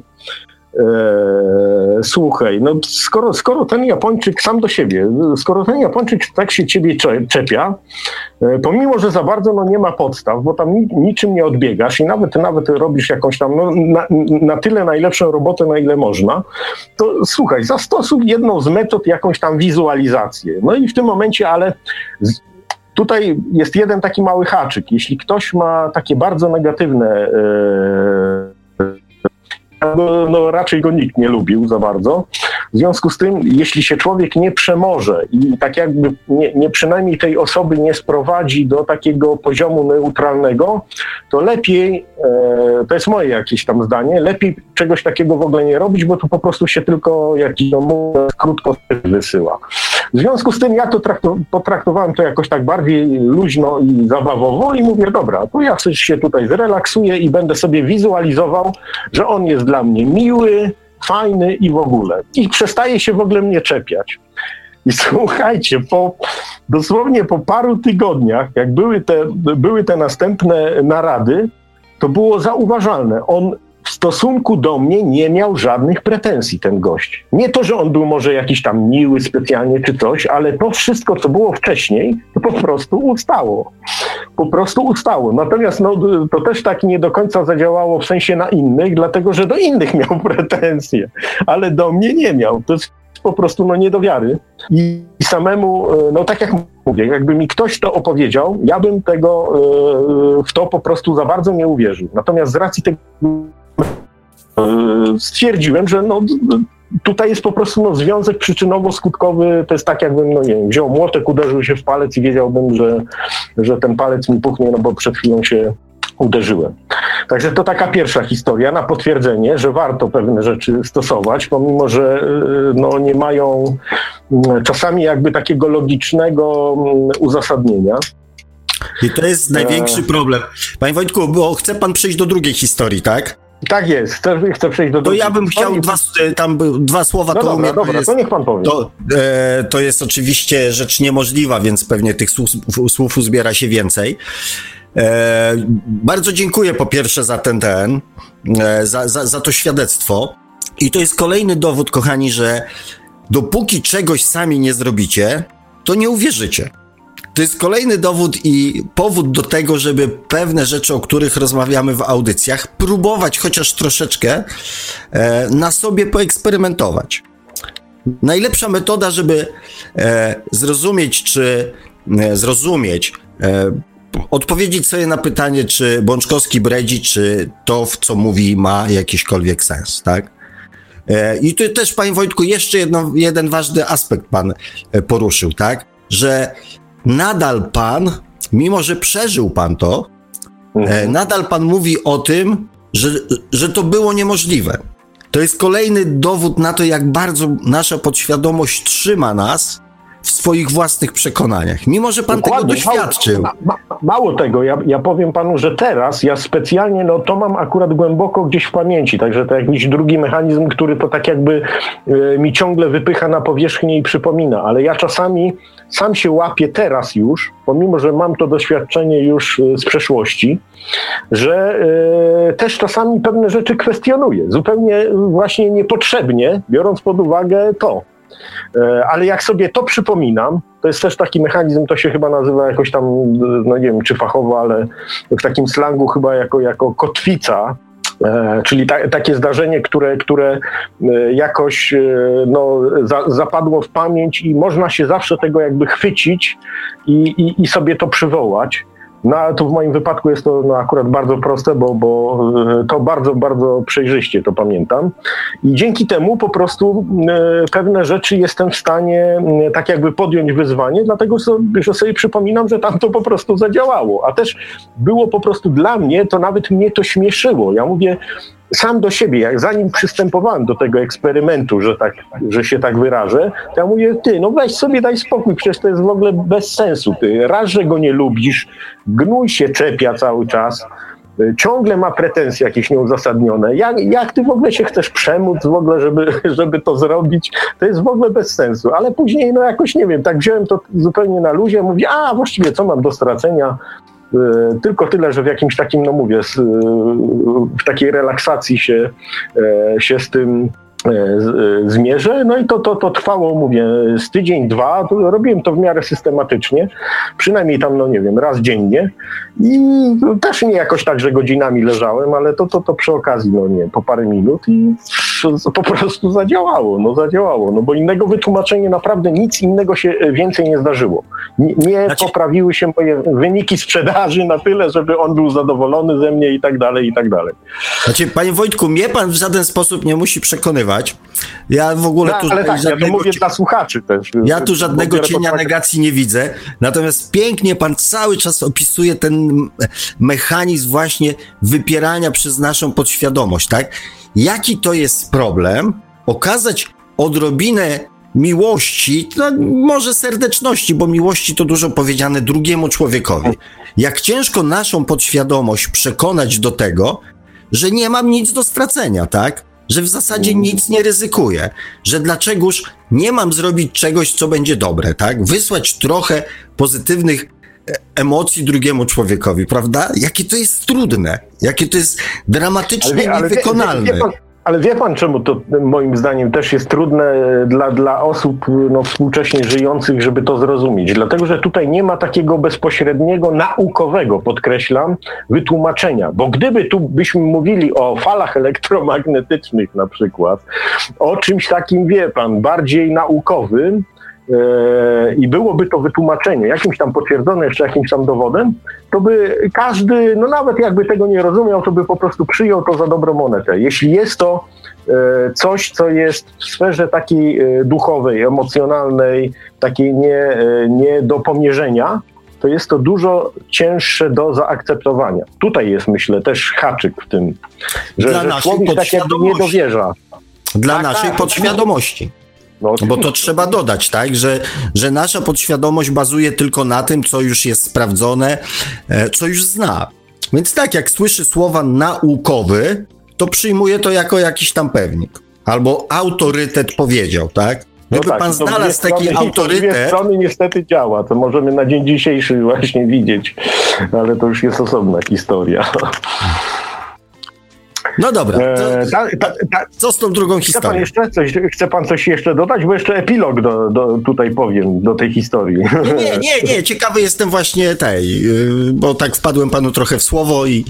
No, to, to nie szkodzi. W każdym razie, no, tak jak mówiłem, ja tam za długo nie, nie zagrzałem miejsca, ale to zdarzyło się, znaczy stało się to z tego powodu, że po prostu e, ta firma, tak jak mówiłem, nie była duża, nie była duża w Polsce z, z racji jakichś tam e, ograniczeń finansowych po prostu obcięli nam jako, jako teamowi temu sprzedaży jakieś pensje, no i ja się po prostu na to nie zgodziłem, ale co tutaj było ciekawe, tutaj zanim doszło do takiej e, ostatecznej decyzji, to ja zdecydowałem się, mówię, a co mi tam szkodzi, po prostu nie sprzedam tanio skóry. Jestem zdecydowany, przy takich warunkach na pewno nie będę pracować, bo to jest po prostu o połowę pensji tej stałej nam obcięli, także to było nie do zaakceptowania dla mnie. Natomiast mówię, e, przy okazji jakiegoś spotkania, czy nawet, nie wiem, specjalnie e, jechałem do, do, do tej Warszawy, mówię, pojadę i spróbuję ponegocjować z, z tym, z tym. No i tam oczywiście koledzy, którzy no, byli tak jakby też e, zainteresowani tym, żebym ja został, no patrząc na, na, ich interes, niekoniecznie na mój, to ciągle się dopytywali, no ale ty, no wiesz, no to przecież co, jedziesz, zgodzisz się, czy się nie zgodzisz? Ja mówię, słuchaj, zobaczymy, pojadę i ten, zgodzisz się, bo na pewno on ci nic tam nie da i już wiesz, to już jest w ogóle ten. No i dobra, i przyjechałem do tej Warszawy, no i miałem z nim, z nim rozmowę. I ta rozmowa z nim z pół godziny chyba trwała, oczywiście po angielsku. E, to chyba była rozmowa tylko w cztery oczy, z tego co pamiętam. E, ja, e, on mi wyłożył swoje argumenty, bardzo mnie chciał, tamtym momencie bardzo mnie chciał zatrzymać, dlatego że wiedział, że mimo wszystko, mimo tych wszystkich wcześniejszych jakby e, zastrzeżeń, ja byłem dobrym handlowcem, na tyle dobrym, na ile mi po, po, pozwalała sytuacja generalnie, ta e, cała ekonomiczna i e, no, tego sektora, w którym pracowałem. Więc on, on, on i doświadczony, bo jeszcze tak jak mówię, miałem doświadczenie z innej, z innej, z innej francuskiej firmy, gdzie, gdzie bardzo, znaczy dużo dłużej dłużej pracowałem, więc on nie chciał mnie puścić, ale z drugiej strony, z racji tego, że on był tak jakby tylko figurantem w tej firmie, E, dlatego że on już był wiek prawie emerytalny, samemu tam już tylko chciał doczekać, żeby go wysłali na tą emeryturę i w ogóle nawet nie walczył tutaj dla tego oddziału, żeby na przykład by się postawił, słuchajcie, dawajcie tam z Japonii tutaj kasę, bo tutaj mi ludzie odchodzą. Nic takiego się po prostu nie mogło zdarzyć. No i on mówi, że no niestety, niestety, ale tutaj słuchaj, jest taka premia czy coś, ja mówię, słuchaj, mnie to nie interesuje, dlatego że wiem dobrze, jak to jest z premiami, ty możesz tu napisać nawet, że ja milion dolarów zarobię na papierze, a i tak z tego figa z makiem będzie, bo realia rynkowe są takie, a nie inne.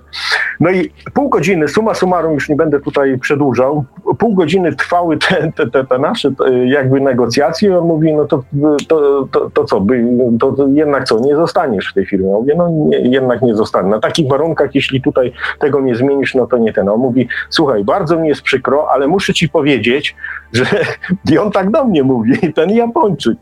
Pomimo, tak jak mówię, tego, tego, tego ich myślenia takiego feudalnego, on mówi, słuchaj, z taką osobą jeszcze y, nigdy się nie zdarzyło tak, żebyś ty potrafił, y, żeby ktoś tutaj tak potrafił negocjować tutaj, ja, ja, jak jestem w Polsce. Ten, mam naprawdę do ciebie wiele szacunku.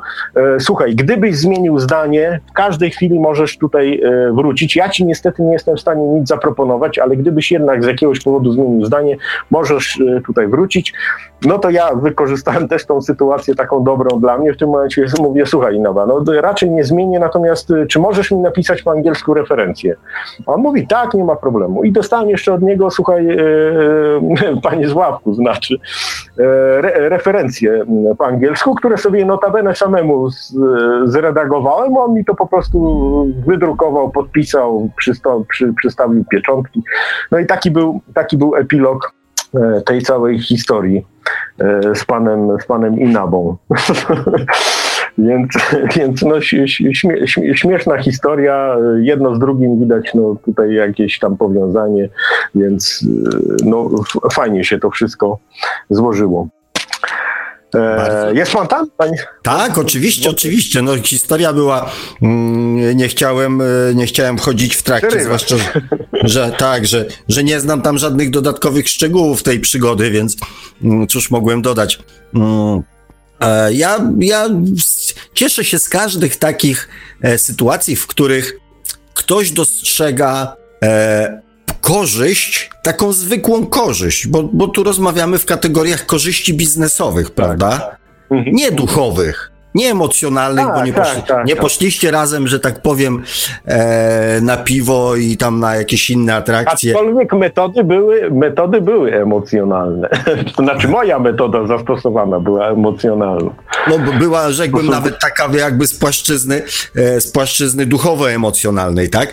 Ale cieszę się, że właśnie mówi pan o tym, że to życie właśnie, te techniki duchowo-emocjonalne przynoszą korzyści Nie tylko w świecie duchowo-emocjonalnym, ale również w świecie biznesowym. Mhm. I to jest Dokładnie. dla mnie, to jest dla mnie istotne. Także to nie jest tylko takie właśnie bleblanie o jakichś pierdołach, jakiś tam e, coś tam gdzieś tam w jakimś wszechświecie, jakieś gwiazdy, jakieś energie, coś gdzieś krąży i, i, i nikt nie wie o co chodzi. Tylko, że mhm. e, pozytywne intencje przykładają się również na nasze życie biznesowe, przynoszą konkretne korzyści biznesowe. Dokładnie. I to jest, i to jest fajne. Dobra, to jest. Jasne. E, dru drugą historię, jaką chciałem powiedzieć, tu jestem w miarę pewien, że już chyba to opowiedziałem, ale to tak powiem, powiem krótko. Miałem kolegę, e, który był architektem, miał swoją prywatną firmę i grywałem z nim systematycznie w tenisa. Któregoś razu, e, któregoś razu, no jeszcze to było w Polsce oczywiście, e, któregoś razu e, podczas jednego z, z tych naszych e, pojedynków po prostu on sobie zerwał y, jakieś tam więzadło. I to po prostu, no, to było tak fatalnie to wyglądało, bo się wił po prostu z bólu, nawet no, jak na faceta, jak mu już zaczęły łzy lecieć, więc to, to, to na pewno było bardzo, bardzo bolesne. A jeszcze smaczku dodawałem... Bo jest to bolesne, niech mi, niech mi pan wierzy, jest to bardzo bolesne. No ja nigdy całe szczęście nie miałem zerwanego, ale, ale widziałem po nim, co się, co się z nim dzieje. I e, w, w każdym razie smaczku jeszcze takiego no, negatywnego w tym momencie doda, dodawało to, że on po prostu, y, no, jeśli ta noga miałaby pójść w gips tam w jakichś określonych warunkach, a, a ostatecznie poszła, co, co się za chwilę okazało, e, to on był po prostu e, uziemiony, czyli po prostu nie mógłby jeździć tam na te wszystkie jakieś tam czynności związane z tym, co, co samemu wykonywał, z racji tego, że tak jak mówię, on, on zatrudniał może jedną, góra dwie osoby, ale część, dużo rzeczy samemu załatwiał w terenie, e, nie tylko siedząc w domu, no a wiadomo, że takie uziemienie w domu to ten. Dodatkowo jeszcze miał, miał kłopoty jakieś finansowe, całe, no jak, jak to mała firma, raz zlecenie zlecenia są, raz nie ma e, i tak dalej. Więc on po prostu, no tak mi go było żal. E, wsadzili mu tą nogę w gips czy coś. E, I samemu go tam go gdzieś, tam gdzie mogłem, to go gdzieś jeszcze odwoziłem, ale tutaj właśnie to jest ten przykład, to, co pan dzisiaj mówił, z, z, tym, jak, jak pan miał chyba nogę w gipsie, tak? tak, jak, tak jak na tym sorze, co pan opowiadał. Zdarzyło się.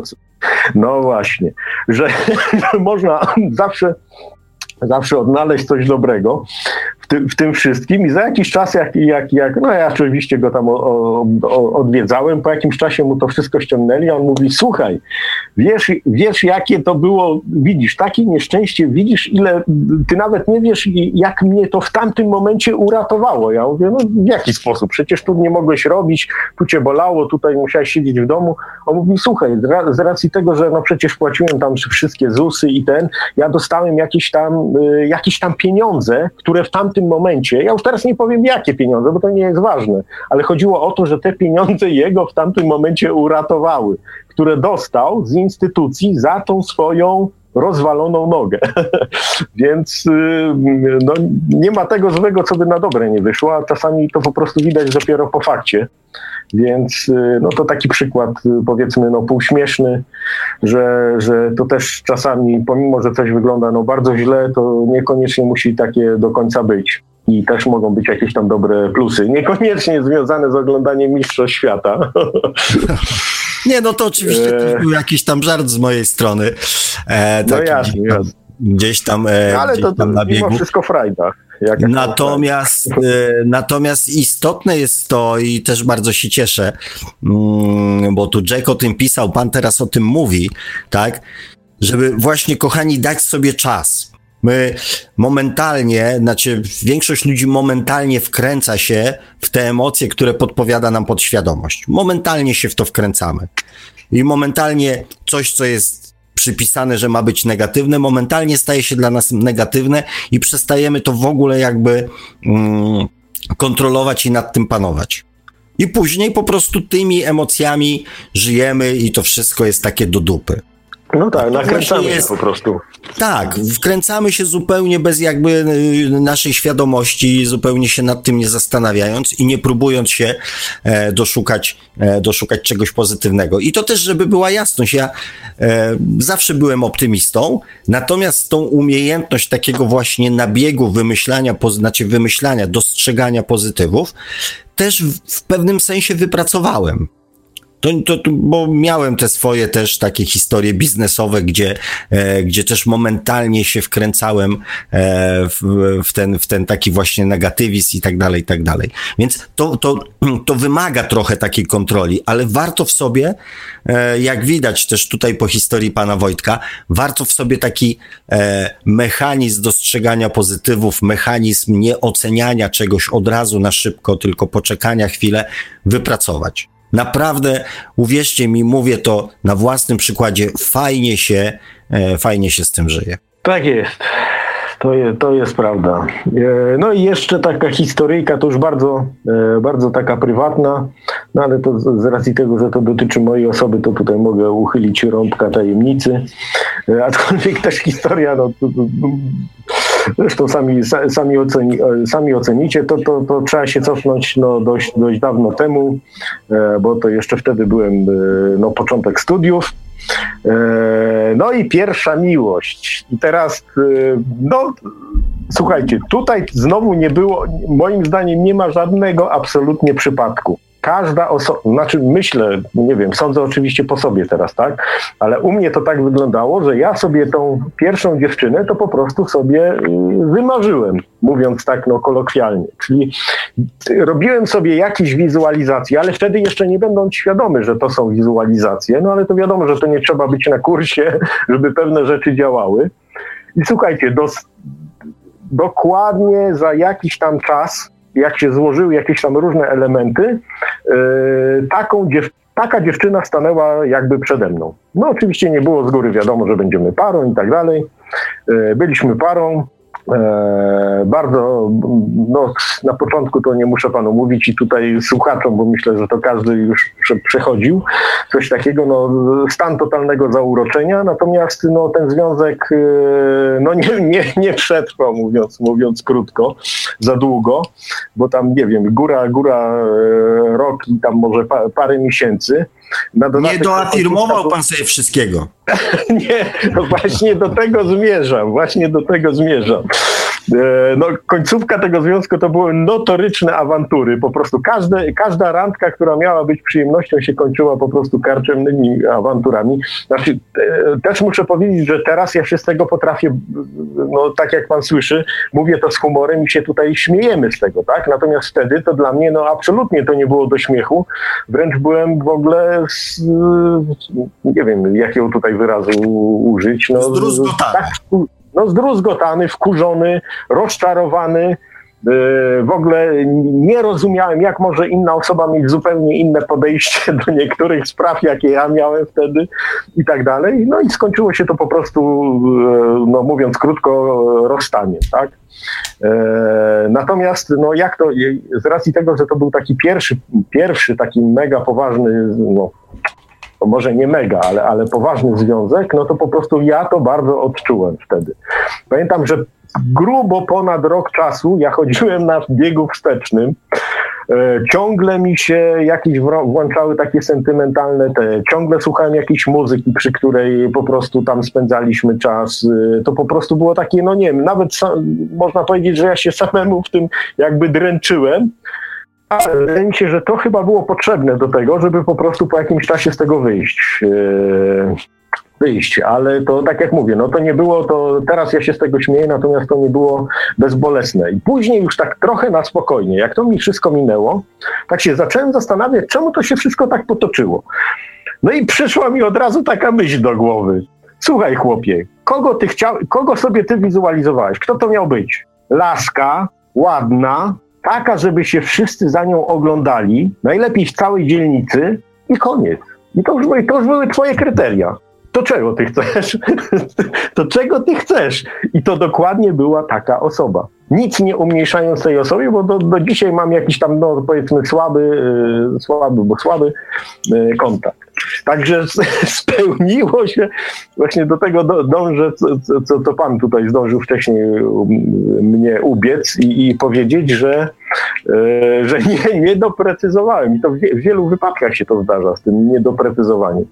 Dokładnie to była taka osoba, jaka wtedy, jaką wtedy chciałem po prostu poznać i mieć za swoją dziewczynę. No i się skończyło, jak się skończyło. Więc to taki, taka, taka historia. Ale to też ma swoją, e, tak jakby swoje, swoje pozytywne, pomimo tego, tego bólu i cierpienia. Tutaj nie, nie, nie, nie boję się użyć tego, e, tego wyra tych wyrazów że y, później z racji tego, że y, ta osoba była bardzo też y, cwana, no mogę tutaj bez, bez żadnej obrazy powiedzieć, pewne rzeczy jakby dobrze wiedziała, jakimi, jakimi walorami dysponuje, więc pewne rzeczy, no może nie na zasadzie szantażu, ale, ale, ale wykorzystywała. Natomiast po takiej szkole, jak to była pierwsza moja ta, to moje podejście później do związków tych następnych, które, które, których doświadczyłem, było zupełnie już inne. I to nie znaczy, że, że z, nagle zacząłem e, jakoś tam źle traktować, tylko absolutnie, natomiast e, za, zacząłem bardziej dbać, jakby też patrzeć na jakby na swój interes. Więc to jest też e, tak jakby no plus z, z, z tego wszystkiego. Natomiast no cena była, cena była dość wysoka na początku do zapłacenia. Jakiś komentarz, panie Sławku? To ty, tylko rok, panie Wojtku.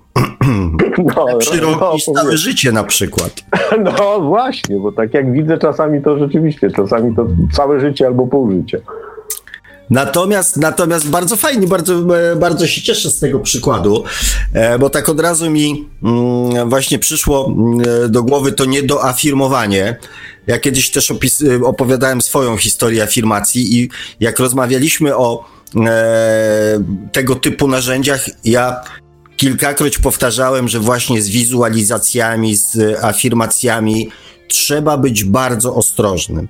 I te wszystkie szczególiki trzeba sobie naprawdę bardzo mocno przemyśleć, łącznie, łącznie z konsekwencjami, tak, że właśnie, że, że jeżeli dziewczyna ma być e, seksowna, mhm. to najprawdopodobniej będzie to związane z jakimś aspektem jego, jej zachowania, tak? Więc ona nie będzie e, grzeczniutką, e, domatorką kurką, i taką do, myszką. Tak, tylko będzie jednak ta seksowność wy, wynika z jakiegoś tam zachowania.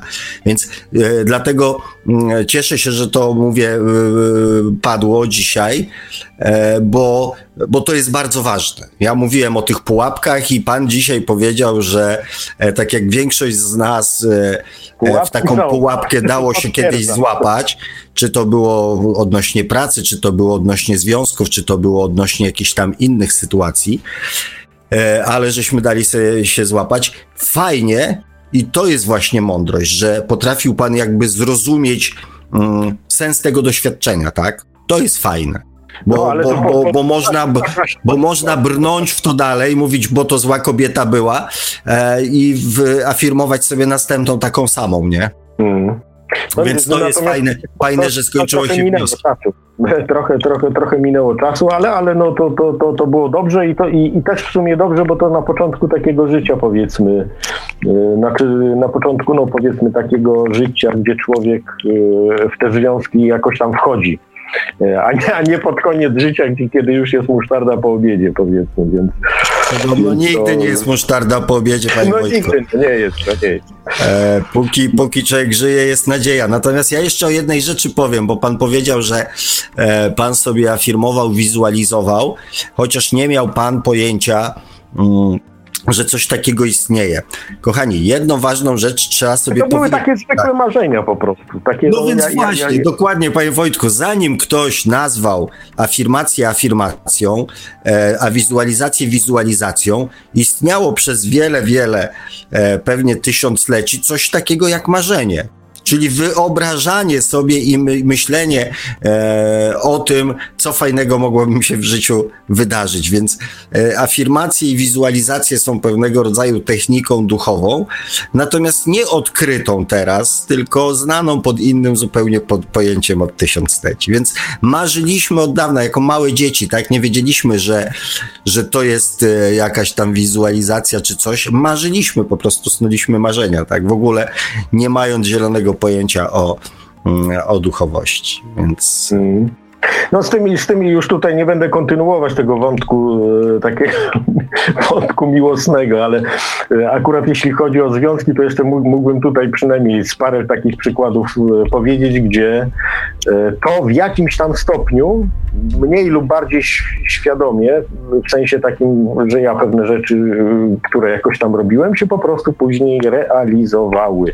Także to też jest następny przykład tego, że pewne jakieś, e, nie wiem, no właśnie nazwijmy to nawet marzeniami, nawet takie też to były, no tak jak mówię, to dotyczy jakichś wątków, jakichś, jakichś miłosnych, ale, ale, ale e, to też były takie czasami w ogóle mało realistyczne. No w ogóle ja mówię, chłopie, no gdzie ty, ty no, nawet jeśli widzisz, że to jest konkretna jakaś tam dziewczyna, no to gdzie, jakie ty masz w ogóle dojście, ty, ty w ogóle jej nie znasz, w ogóle, w ogóle nie ma żadnej, tak jakby no na dzień dzisiejszy w ogóle szansy, co ty tutaj w ogóle zrobisz, wiesz, no to, to, to, to, to jest ten, a na pewno już w ogóle ma jakiegoś tam faceta, więc sobie w ogóle odpuść.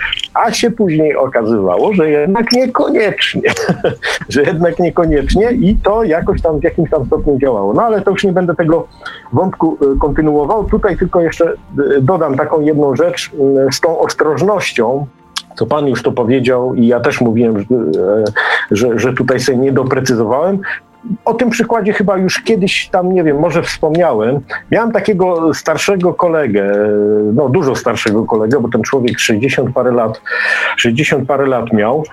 E, I on e, mi mówił, że e, też taki no, na gruncie powiedzmy rozwoju duchowego taki trochę zaprawiony. I on mówi, że sobie wizualizował, że chciał mieć, żeby, żeby ciągle miał pracę że, że, że, no cały czas chciał, no bo chodziło też o finanse, tak, jakby w, w, tle, ale chodziło o pracę. I on sobie wizualizował, że ciągle będzie miał dużo pracy, dużo pracy, dużo pracy i się wszystko co do Joty sprawdziło, tylko tyle, że sobie nie, dopra- nie doprecyzował, że po prostu tej pracy będzie tak dużo, ale ona będzie stosunkowo mało płatna. Ale już o tym, tego kryterium sobie jakby tam nie zadał. I po prostu miał rzeczywiście, pomimo swojego wieku, ale tam znał się na jakichś pewnych sprawach, yy, dostał pracę, na, na, czy dostał, no cały czas kontynuował na, na uczelni i rzeczywiście wykonywał tą pracę, pomimo, że już tam mógłby być na, to już był taki chyba wiek nawet emerytalny, ale on cały czas chciał pracować, chciał pracować, ale mówi, że już ma już dosyć nawet tej pracy, bo tej pracy jest za dużo. Ale się cofnął i sam mi się przyznał, że słuchaj, to jest to, to jest wynik, wynik tego, że ja sobie po prostu nie doprecyzowałem e, warunki, warunki, na jakich bym chciał pracować. Więc to tak jakby no, też dodatkowy przykład na to, że trzeba być bardzo ostrożnym i e, robić to, e, no, pewne rzeczy no, na tyle co możliwe e, Dopra dopracować szczegóły tego. tego, tego to znaczy, ja, ja, ja rozwinę ten wątek, ja rozwinę ten wątek, mhm. korzystając z tego, że on się pojawił. Kochani, bo prawda jest taka, że to, co sobie wizualizujemy, co sobie marzymy, jest świadome. Jesteśmy świadomi tego, bo skupiamy na tym swoją uwagę. I mówimy, że o, bo to się zrealizowało, bo to działa, bo to coś. Natomiast i w tym e, jest jakby mniejszy problem, ponieważ mamy świadomość, że musimy doprecyzować tą wizualizację następnym razem. Wiemy, jaki błąd popełniliśmy. I to jest w porządku, tak? Robimy korektę i mówimy: OK, ma być. E, fajną e, blondynką, ale jeszcze do tego taką, taką i taką, nie? Więc robimy korektę, jest ok, dostajemy produkt. E, czy na przykład praca, ale za dobre pieniądze. Czyli skupiam się, ile mam zarobić, a nie ile pracy mam e, wykonać. I to jest fajne, to jest świadome, tak? Natomiast należy pamiętać o jednej bardzo ważnej rzeczy, że ten mechanizm nie dotyczy tylko tego, co sobie świadomie wizualizujemy. Ten mechanizm produkowania rzeczy, e, czy tam sytuacji w naszym życiu dotyczy również tych rzeczy, których nie jesteśmy świadomi. I na przykład często strach przed biedą, który towarzyszy nam, jest również naszą afirmacją. Chociaż już tak się z nią oswoiliśmy, tak się do niej przyzwyczailiśmy, że nie zdajemy sobie z tego sprawy. Ten strach jest, no niby traktujemy go jako taki normalny, no bo wszyscy gdzieś tam jakieś obawy mamy, tak? A później zastanawiamy się, dlaczego ciągle nie mamy pieniędzy. I jest mnóstwo. Jak, jaki jest tu panateum w tym momencie? Na, na, na, na, na ten przypadek, który pan dokładnie teraz mówi. Właśnie to jest powód do tego, żeby poznać swoje emocje, żeby poznać to, czego nie jesteśmy świadomi, a co w nas jest. Bo to się też afirmuje. To jest też nasza afirmacja, to jest też nasze marzenie, to jest też nasze pragnienie, chociaż nie jesteśmy tego świadomi. Wszystko, co w naszym życiu się dzieje, jest skutkiem naszych pragnień. Tylko część z tych pragnień, tak jak wizualizacje, jak marzenia, jak afirmacje, są świadome, a część jest nieświadomych, ale i jedne i drugie się realizują. Więc no o tym coś. Te, te, te, teraz zadam takie pytanie: to, to jak już poznamy, załóżmy, czy jak, w jakiś sposób się do, do, dowiemy, że, że pomimo wszystko mamy ten strach właśnie przed tą biedą, to teraz co dalej możemy e, w tej konkretnej e, sprawie, bo w, w, sprawach tych świadomych, no to już żeśmy sobie powiedzieli, tak, ale w sprawach tych, gdzie dopiero żeśmy się dowiedzieli teraz, że mamy na przykład strach przed tą biedą, to co dalej możemy zrobić? Też zrobić tą samą metodą, czy... czy, czy Potraktować go jak Japończyka. No tak. No tak, panie Wojtku, no pojawił się, pojawił się dzisiaj bohater z zagranicy, więc, e, e, więc dokładnie tak. Znaczy, jednym ze sposobów jest chociażby ta technika, o której rozmawialiśmy w poprzedniej audycji, tak? Czyli dogrzebania się do tego momentu, w którym ten strach o, e, o przetrwanie się pojawił, tak? To jest jedna z technik, ale równie skuteczna jest ta technika, którą pan dzisiaj powiedział na przykładzie swojego e, japońskiego szefa, tak? Wysłać w mhm. tamtym kierunku pozytywne emocje, pozytywne intencje. Mhm. No plus, plus na przykład to już e, osobno można pisać też i afirmacje, które, które na niektóre osoby takie słowo pisane też działa. Jeśli tam piszą po, po ileś razy jakieś tam takie afirmacyjne zdania na przykład. Znaczy, ja powiem tak, wizualizacja jest o tyle skuteczniejsza, że jednak mimo wszystko e, większość informacji. Więcej emocji angażuje chyba, więcej emocji. Po pierwsze, angażuje. więcej emocji angażuje, a poza tym nasza podświadomość jest e, budowana e, na podstawie obrazów, nie słów. My, jako małe hmm. dzieci, e, nie rozumiemy słów. My mhm. rozumiemy emocje, na przykład jak rodzice się kłócą, to my wiemy, że to jest coś złego. Nie wiemy dlaczego, nie rozumiemy słów, które oni wypowiadają. Natomiast wiemy, że dzieje się coś złego, czyli odbieramy to emocjonalnie i odbieramy też y, obraz. I mhm. tak naprawdę 90% podobno informacji, które dotyczy, do, do, dochodzi do naszego mózgu, pochodzi właśnie ze wzroku. Dlatego wizualizacja wymaga więcej wysiłku, ale tak jak pan powiedział, towarzyszy temu więcej emocji, bo też więcej przyjemności, jeżeli sobie wyobrażamy, mhm. tak? Przyjemne sytuacje, mhm. więc łączymy obraz z emocjami. Czyli e, jakby dla naszej podświadomości to jest dużo e, mocniejsza informacja niż same słowa. Owszem, można to połączyć też z afirmacją, czyli jeszcze z wypowiadaniem jakichś, e, powtarzaniem jakichś słów, tak? Więc mamy już wtedy mhm. komplet jakby e, informacji. Mamy emocje, mamy obraz i mamy słowa, czyli coś wypowiadane na głos, czyli coś, co dociera do naszego mózgu jako e, informacja. No zgadza się. Więc e, z, z, mojej strony to jest to tylko takie e, przystemplowane, znaczy, no, no, podsumowanie można powiedzieć, a, a właściwie e, to, co pan już dzisiaj też tam, przed chwilą chyba właśnie przede mną jeden ze słuchaczy, tak jakby, no w sumie nie do końca, bo, bo, bo chyba się przekonał, tak jakby ja mogę potwierdzić tutaj z, z własnego z własnego podwórka, że wiedza sama, wiedza sama jako wiedza, bez działania, bez e, zastosowania tego w życiu, rzeczywiście to jest stanowczo za mało. To też mam jakiś tam przykład, już teraz nie będę tutaj opowiadać, ale w wielu rzeczach, ja naprawdę na wielu rzeczach się bardzo dobrze znam, ale w niektórych sprawach e, nie wdrożyłem tego w życie i po prostu nie ma żadnego zupełnie efektu. Więc co z tego, że ja, nie wiem, mogę nawet, e, no może przesadzam, wykładać gdzieś tam albo, albo się z, z kimś dzielić, ja, ja, jak to w moim prywatnym życiu po prostu nie ma żadnego e, póki co przełożenia z racji tego, że, że, że człowiek no, za mało jakiś tam środków, sił, energii e, włożył w to, żeby to zadziałało. I to jest, tu się podpisuje pod tym dwoma, dwoma rękoma. Więc e, to takie, takie, takie moje podsumowanie tego. To, to, to też... Dziękuję panie Wojtku. No nie, nie ma za co. Sa, sama prawda. Dzisiaj, dzisiaj, wyjąt, dzisiaj wyjątkowa zgodność. Także... Takie rzeczy też się zdarzają. No, te, też, się, też się zdarzają. No dobra, ja, ja, ja, ja to właściwie już tyle, co miałem powiedzieć, to po, po, powiedziałem. Pozdrawiam jeszcze raz wszystkich. Wszystkim życzę wszystkiego dobrego e, w tym nowym 2021 roku.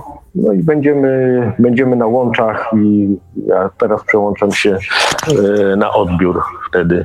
Dobrze, dziękuję panie Wojtku za telefon. Pozdrawiam serdecznie, nieustająco. Pozdrawiam panie Sławku, pozdrawiam i Weliosie, pozdrawiam wszystkich słuchaczy. Na razie, hej, cześć. Na razie, cześć, hej. Taka zgodna audycja dzisiaj jest taka. E, bardzo dziękuję panie Wojtku. E, kochani, tutaj utknąłem e, z komentarzami na 21.13, a mamy 22.51, e, więc mm, więc żeby chyba może was. Y, tutaj był, była bardzo, bardzo fajny wątek snów. Tutaj Mateusz, Jack e, i też Nina bardzo, mm, e, bardzo mm, widzę mocno e, pociągnęli ten e, wątek, więc zapraszam Was, kochani, do tego, żeby się z tym wątkiem zapoznać, bo tu jest i wątek o wyjściu z ciała, e, więc e, może tak nie do końca może to jest temat w końcu na audycję z Jubim, bo już parę razy żeśmy się do tego przymierzali. E, więc patrzę, więc e, ten wątek sobie na tą chwilę prze, mm, odpuszczę i być może wrócę do niego w poprzedniej audycji jako temat audycji. Um, znaczy w następnej audycji oczywiście. A co ja powiedziałem? E, wróci pan w poprzedniej audycji. A, okej, okay, dobra, dzięki panie Marku za czujność.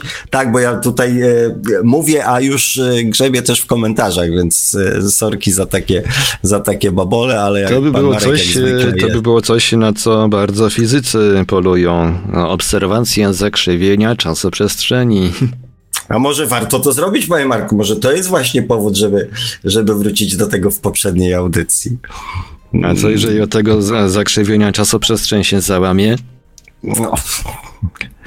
Co będzie, to się przekonamy dopiero jak będzie. No to tylko tydzień, panie Marku. No to może tragedii nie będzie. No, no dobra, żartowałem, bo już mi się tutaj e, światełka zapaliły w głowie, więc e, lubię tego typu wyzwania. E, tutaj e, wracając do naszych komentarzy, Aneta się pojawiła. Beata Szwarz pisze, nasze myśli są twórcze, możemy wpływać na rzeczywistość, z pragnienia tworzymy. E, najpierw była myśl, a słowo ciałem się stało. E, dzieci, marzycie, maszcie, bo e, marzenia się spełniało. Jesteśmy jednym. E, No więc właśnie. Znaczy, ja mam tutaj taką troszeczkę może odmienną teorię na temat tego, czy najpierw jest emocja, czy najpierw jest myśl. E, myśli są dla mnie, dla nas bardziej świadome, tak? E, natomiast e, z emocji często nie zdajemy sobie sprawy. Więc w moim przekonaniu bardzo często najpierw jest emocja, a dopiero później jest myśl i później dopiero jest słowo, bo, e, bo przeważnie najpierw jesteśmy wkurzeni, najpierw reagujemy emocjonalnie, a dopiero później mówimy jestem wkurzony. E, działanie w tą stronę, że jestem wkurzony i zaczynam być wkurzony, e, albo kiedy jestem wkurzony, mówię sobie jestem spokojny, nie powoduje, że jestem spokojny. Że to jest jednak proces emocjonalny. Ale to jakby nieistotne jest e, w kontekście tego, co Beatka napisała, że nasze myśli są twórcze, że w ten sposób tworzymy naszą rzeczywistość. I całkowicie e, się z tym zgadzam. No i tu jest cały czas e, wątek snów.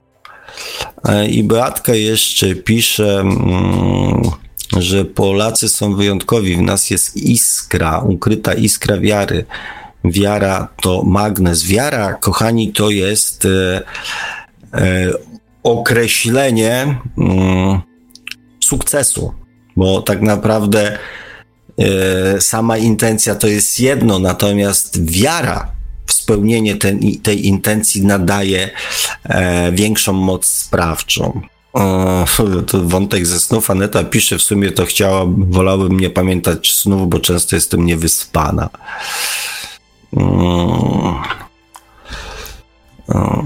Czytam, żeby wyłapać te komentarze, które nie dotyczą snów, bo to jest e, wątek, który jest zbyt długi, żeby go jeszcze dzisiaj w audycji pociągnąć.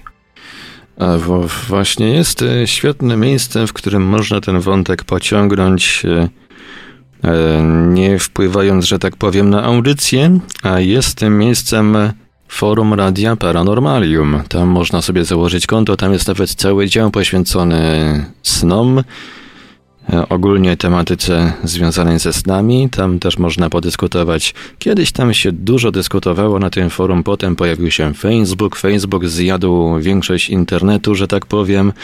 Wszystkie formy życia klikające się przeniosły na Facebooka, na YouTube'a i na inne social media, a fora tematyczne jakoś tak wymarły. Może czas przy okazji tych różnych afer związanych z prywatnością zwrócić się z powrotem w stronę for internetowych. Tak tylko proponuję. E, ja się przyłączam do tej delikatnej sugestii pana Marka. Mam coś tutaj um, odnośnie E, Aneta pisze o rany, to co ten pan mówi teraz o rance to mój przypadek. E, ja też zwizualizowałam. Oj, oj, ciekawe, czy Anetko też dojdziesz do wniosków, że nie doprecyzowałaś swojej wizualizacji. E, Mateusz Siwek pisze świetna opowieść, proszę pana. E, mm, Mothoman się pojawił jeszcze, Renata. Mm, e, się pojawiła. Renataniak. E, miło Ciebie słyszeć, Sławku. Po telefonie Mirosława takiego olśnienia dostałem, że właśnie gdyby nas ktoś e, nauczył, kiedy byliśmy dziećmi, że marzenia się spełniają, e, mielibyśmy nieograniczone możliwości. E, e Renatko, ch chyba tutaj mówisz o telefonie od pana Wojtka, e, ale to prawda. To prawda, kochani, że e, to jest bardzo ważny wątek naszego rozwoju emocjonalnego, kiedy e, dzieci, kiedy w dzieciach zabijamy właśnie umiejętność marzenia, rozwijania wyobraźni e, i pozbawiamy ich tak naprawdę tego niesamowitego narzędzia do tworzenia swojej rzeczywistości. To rodzice oduczyli dzieci wierzyć w to, że mają do dyspozycji narzędzie, które może wpływać na ich życie. Warto o tym pamiętać. Warto o tym pamiętać, mając dzieci, obcując z dziećmi, mm, warto celebrować z dziećmi te marzenia. A co, a jak, a jak ty sobie to wyobrażasz? Ukierunkowywać ich marzenia, tak? Nie mówić to niemożliwe, nie będziesz nigdy księżniczką. Czemuż nie? Już lepiej być księżniczką niż strażakiem chyba. E, mm, dobrze. Astra pisze, właśnie przez takich szkodników źle się na świecie dzieje, tylko że ten cały syf, który robią, wróci do nich bez e. A przecież tak łatwo i przyjemnie jest być miłym e, dla siebie wzajemnie. Oczywiście, że łatwo i przyjemnie. E, Mateusz pisze, teraz pan mówi bardzo mądrze w audycji. W psychologii jest nawet termin zwany samospełniająca się przepowiednia. No właśnie. Nina pisze, kiedy polecono mi dawno temu Radio Paranormalium, zakochałam się w sekundzie. Przestałam oglądać telewizję, nie słucham innych audycji i wiem, że tutaj jestem wśród swoich. Dziękuję. Wow. Nino, my też Ci bardzo dziękujemy. Myślę, że też w imieniu e, pana Marka m, takie podziękowania Tobie złożę. E, Anetka pisze, że musi się wreszcie zabrać, bo koszmary ją wykończą. E, Mateusz pisze, jeśli będziesz non-stop podejrzewał partnera o zdradę, w końcu przestanie cię kochać i być może właśnie cię zdradzi. E, afirmacja to potężne narzędzie. Z tym podejrzewaniem o zdradę jest jeszcze e, jedna rzecz związana, z której często ludzie sobie nie zdają sprawy. E, to często jest na przykład tkwiąca w ludziach potrzeba zdrady i strach przed zrobieniem, więc często podejrzewamy innych o robienie czegoś, na co mamy e, ochotę. Na to też e, warto zwrócić uwagę i też strach. Strach przed zranieniem. E, bo te, Renatka pisze, bo teraz już się przekonałam, tak jak um, Mirosław, że masz, nasz umysł ma wielką moc, ale wielką trzeba e, było przejść, żeby się o tym przekonać. Ale wiele trzeba było przejść, żeby się o tym przekonać. No i dlatego są takie audycje, mm, jak ta moja, żeby właśnie nie musieć dzięki takim osobom jak pan Wojtek, jak pani Renata i całe mnóstwo tutaj e, osób, które bierze udział w dyskusjach, żeby nie trzeba było doświadczać tego na swojej własnej skórze, a czasami pupie. E, Mateusz pisze, ilekroć idąc na rozmowę kwalifikacyjną byłem pełen swoich, pełen, pełen e, swoich, pewien chyba swoich umiejętności, dostawałem pracę. No właśnie. I Anetka pisze tutaj gorzej z tym, co jest w podświadomości. No właśnie. No właśnie, o tym żeśmy na koniec e, rozmowy z panem Wojtkiem rozmawiali i warto to powtórzyć jeszcze raz.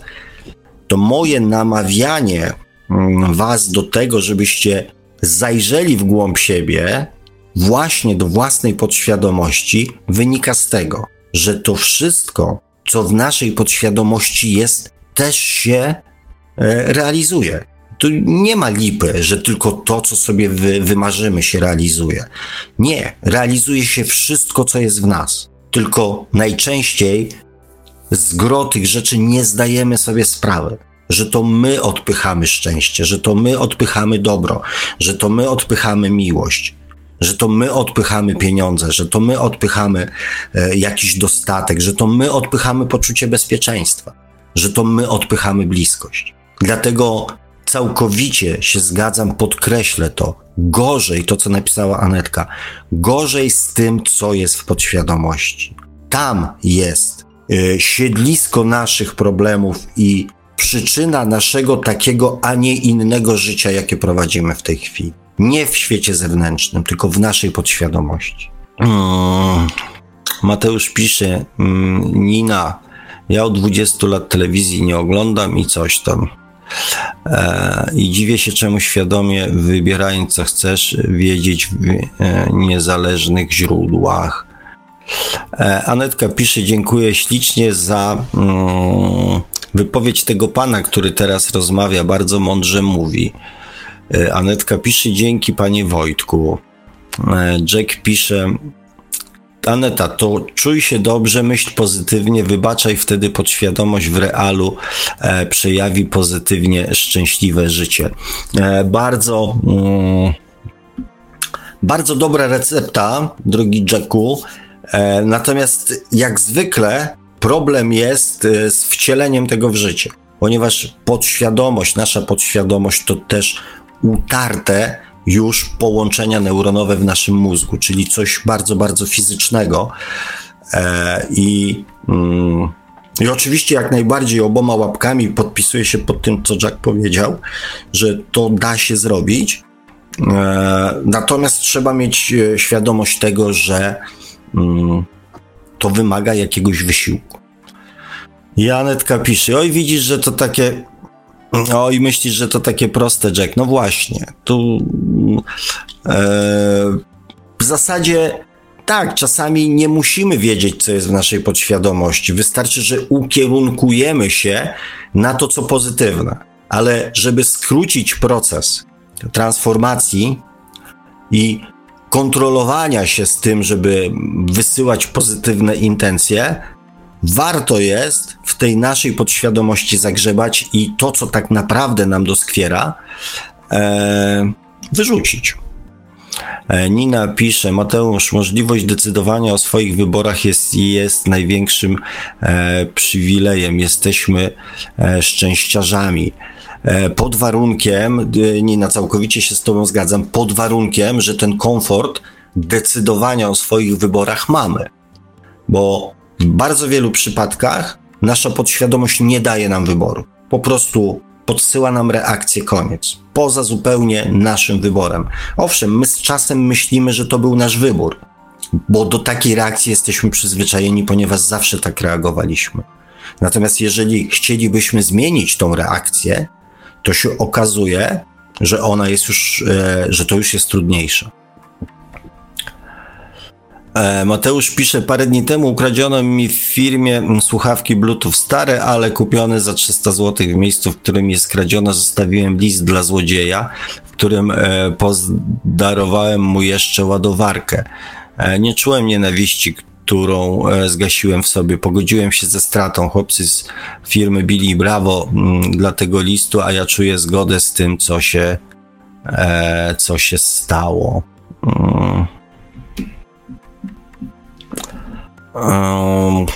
To skoro tak czujesz, natomiast ja się w, w kradzieży e, nie doszukuję e, niczego pozytywnego.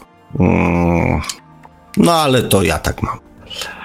E, Mateusz pisze, to zwykły przykład, że karma istnieje. Ja nie stracę tyle, co człowiek, którego ten czyn może dręczyć dużo dłużej niż mnie. Znaczy, w pewnym sensie jest to, e, drogi Mateuszu, takie bardzo duchowe, ale z drugiej strony, jeżeli ktoś e, ma, mm, że tak powiem, e, fundować sobie cierpienie, to niekoniecznie musi to robić naszym kosztem. Do tego nawet w świecie duchowym nie za specjalnie jest przyzwolenie. Magdalena pisze, to złodziej był zdziwiony. Oj, Mateusz, a gdyby ci ukradli samochód, to co byś jeszcze zostawił? No więc, no właśnie. Mm, ale garaż pytanie. E, Mateusz pisze, nie wiem, bo nie mam prawa jazdy. E, no dobrze, kochani.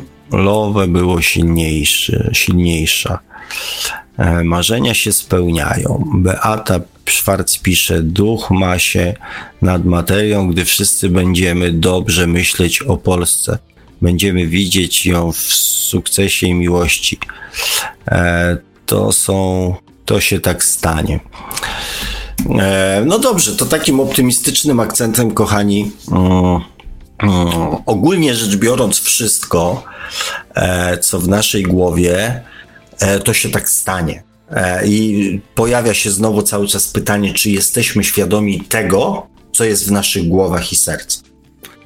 I tak jak powiem, ja tego naszego wroga, przeciwnika e, w drodze do świadomego kreowania swojego życia znam. Mówię wam o nim, e, natomiast tylko od was, kochani, zależy, na ile będziecie chcieli e, jakby mm, tego naszego wroga, przeciwnika, rywala rozpoznać. Na ile będziecie chcieli tam zagrzewać, na ile będziecie chcieli tam e, zrobić porządku. To zależy tylko i wyłącznie od każdego e, z nas.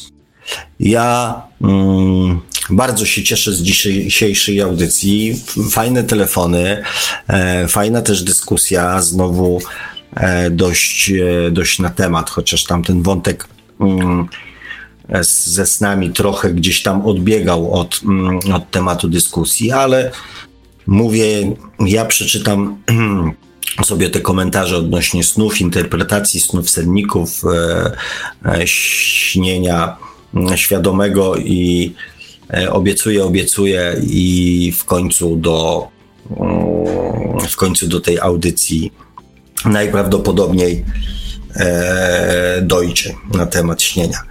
Kochani, dzisiaj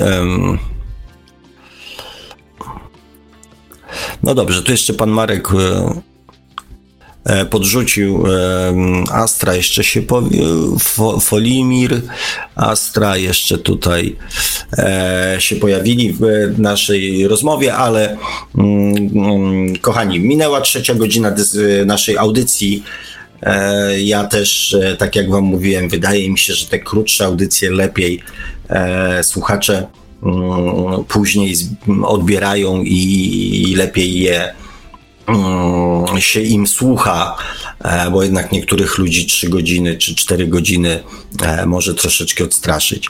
Zresztą słyszymy się za tydzień, więc e, myślę, że te kolejne wątki się z pewnością pojawią. Kochani, jeszcze raz dziękuję Wam serdecznie za dzisiaj. Niespodziewanie w telefonach było bardzo dużo zgodności dzisiaj, co mnie bardzo cieszy, a myślę y, przede wszystkim to, że y, sobie, y, zwłaszcza z panem Arkiem, wyjaśniliśmy to, co z pozoru wydawało się e, jakimś problemem czy nieporozumieniem. E, także dziękuję Wam za te telefony, dziękuję Wam za tą dyskusję tutaj. E, ściskam Was bardzo mocno i jak zawsze i bardzo serdecznie, mimo że jest to zabronione, więc chociaż pościskam Was tak troszeczkę wirtualnie. E, pamiętajcie o tym, co dzisiaj było mówione. I cóż, słyszymy się, e, słyszymy się już za tydzień. Życzę Wam wszystkiego dobrego na ten najchodzący czas. Trzymajcie się cieplutko. A do mnie właśnie przyszedł mój koteczek, więc ja też się trzymam cieplutko. Mm, jeszcze raz, dobrej nocy, wszystkiego dobrego, do usłyszenia za tydzień. A mówił to do Państwa jak zawsze gospodarz audycji Świat oczami duszy, pan Zajek Bączkowski. Tradycyjnie, e, nieustająco zachęcamy do zasubskrybowania kanału Pana Sławka o takim samym tytule jak nasza audycja, czyli Świat oczami duszy na YouTube.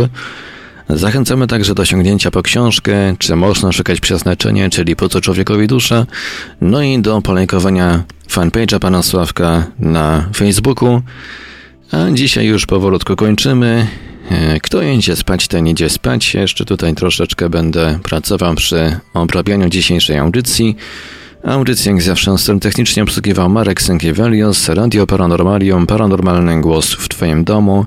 Dobranoc i do usłyszenia ponownie, oczywiście już za tydzień na żywo w poniedziałek krótko po 20 na antenie Radia Paranormalium. Produkcja i realizacja Radio Paranormalium www.paranormalium.pl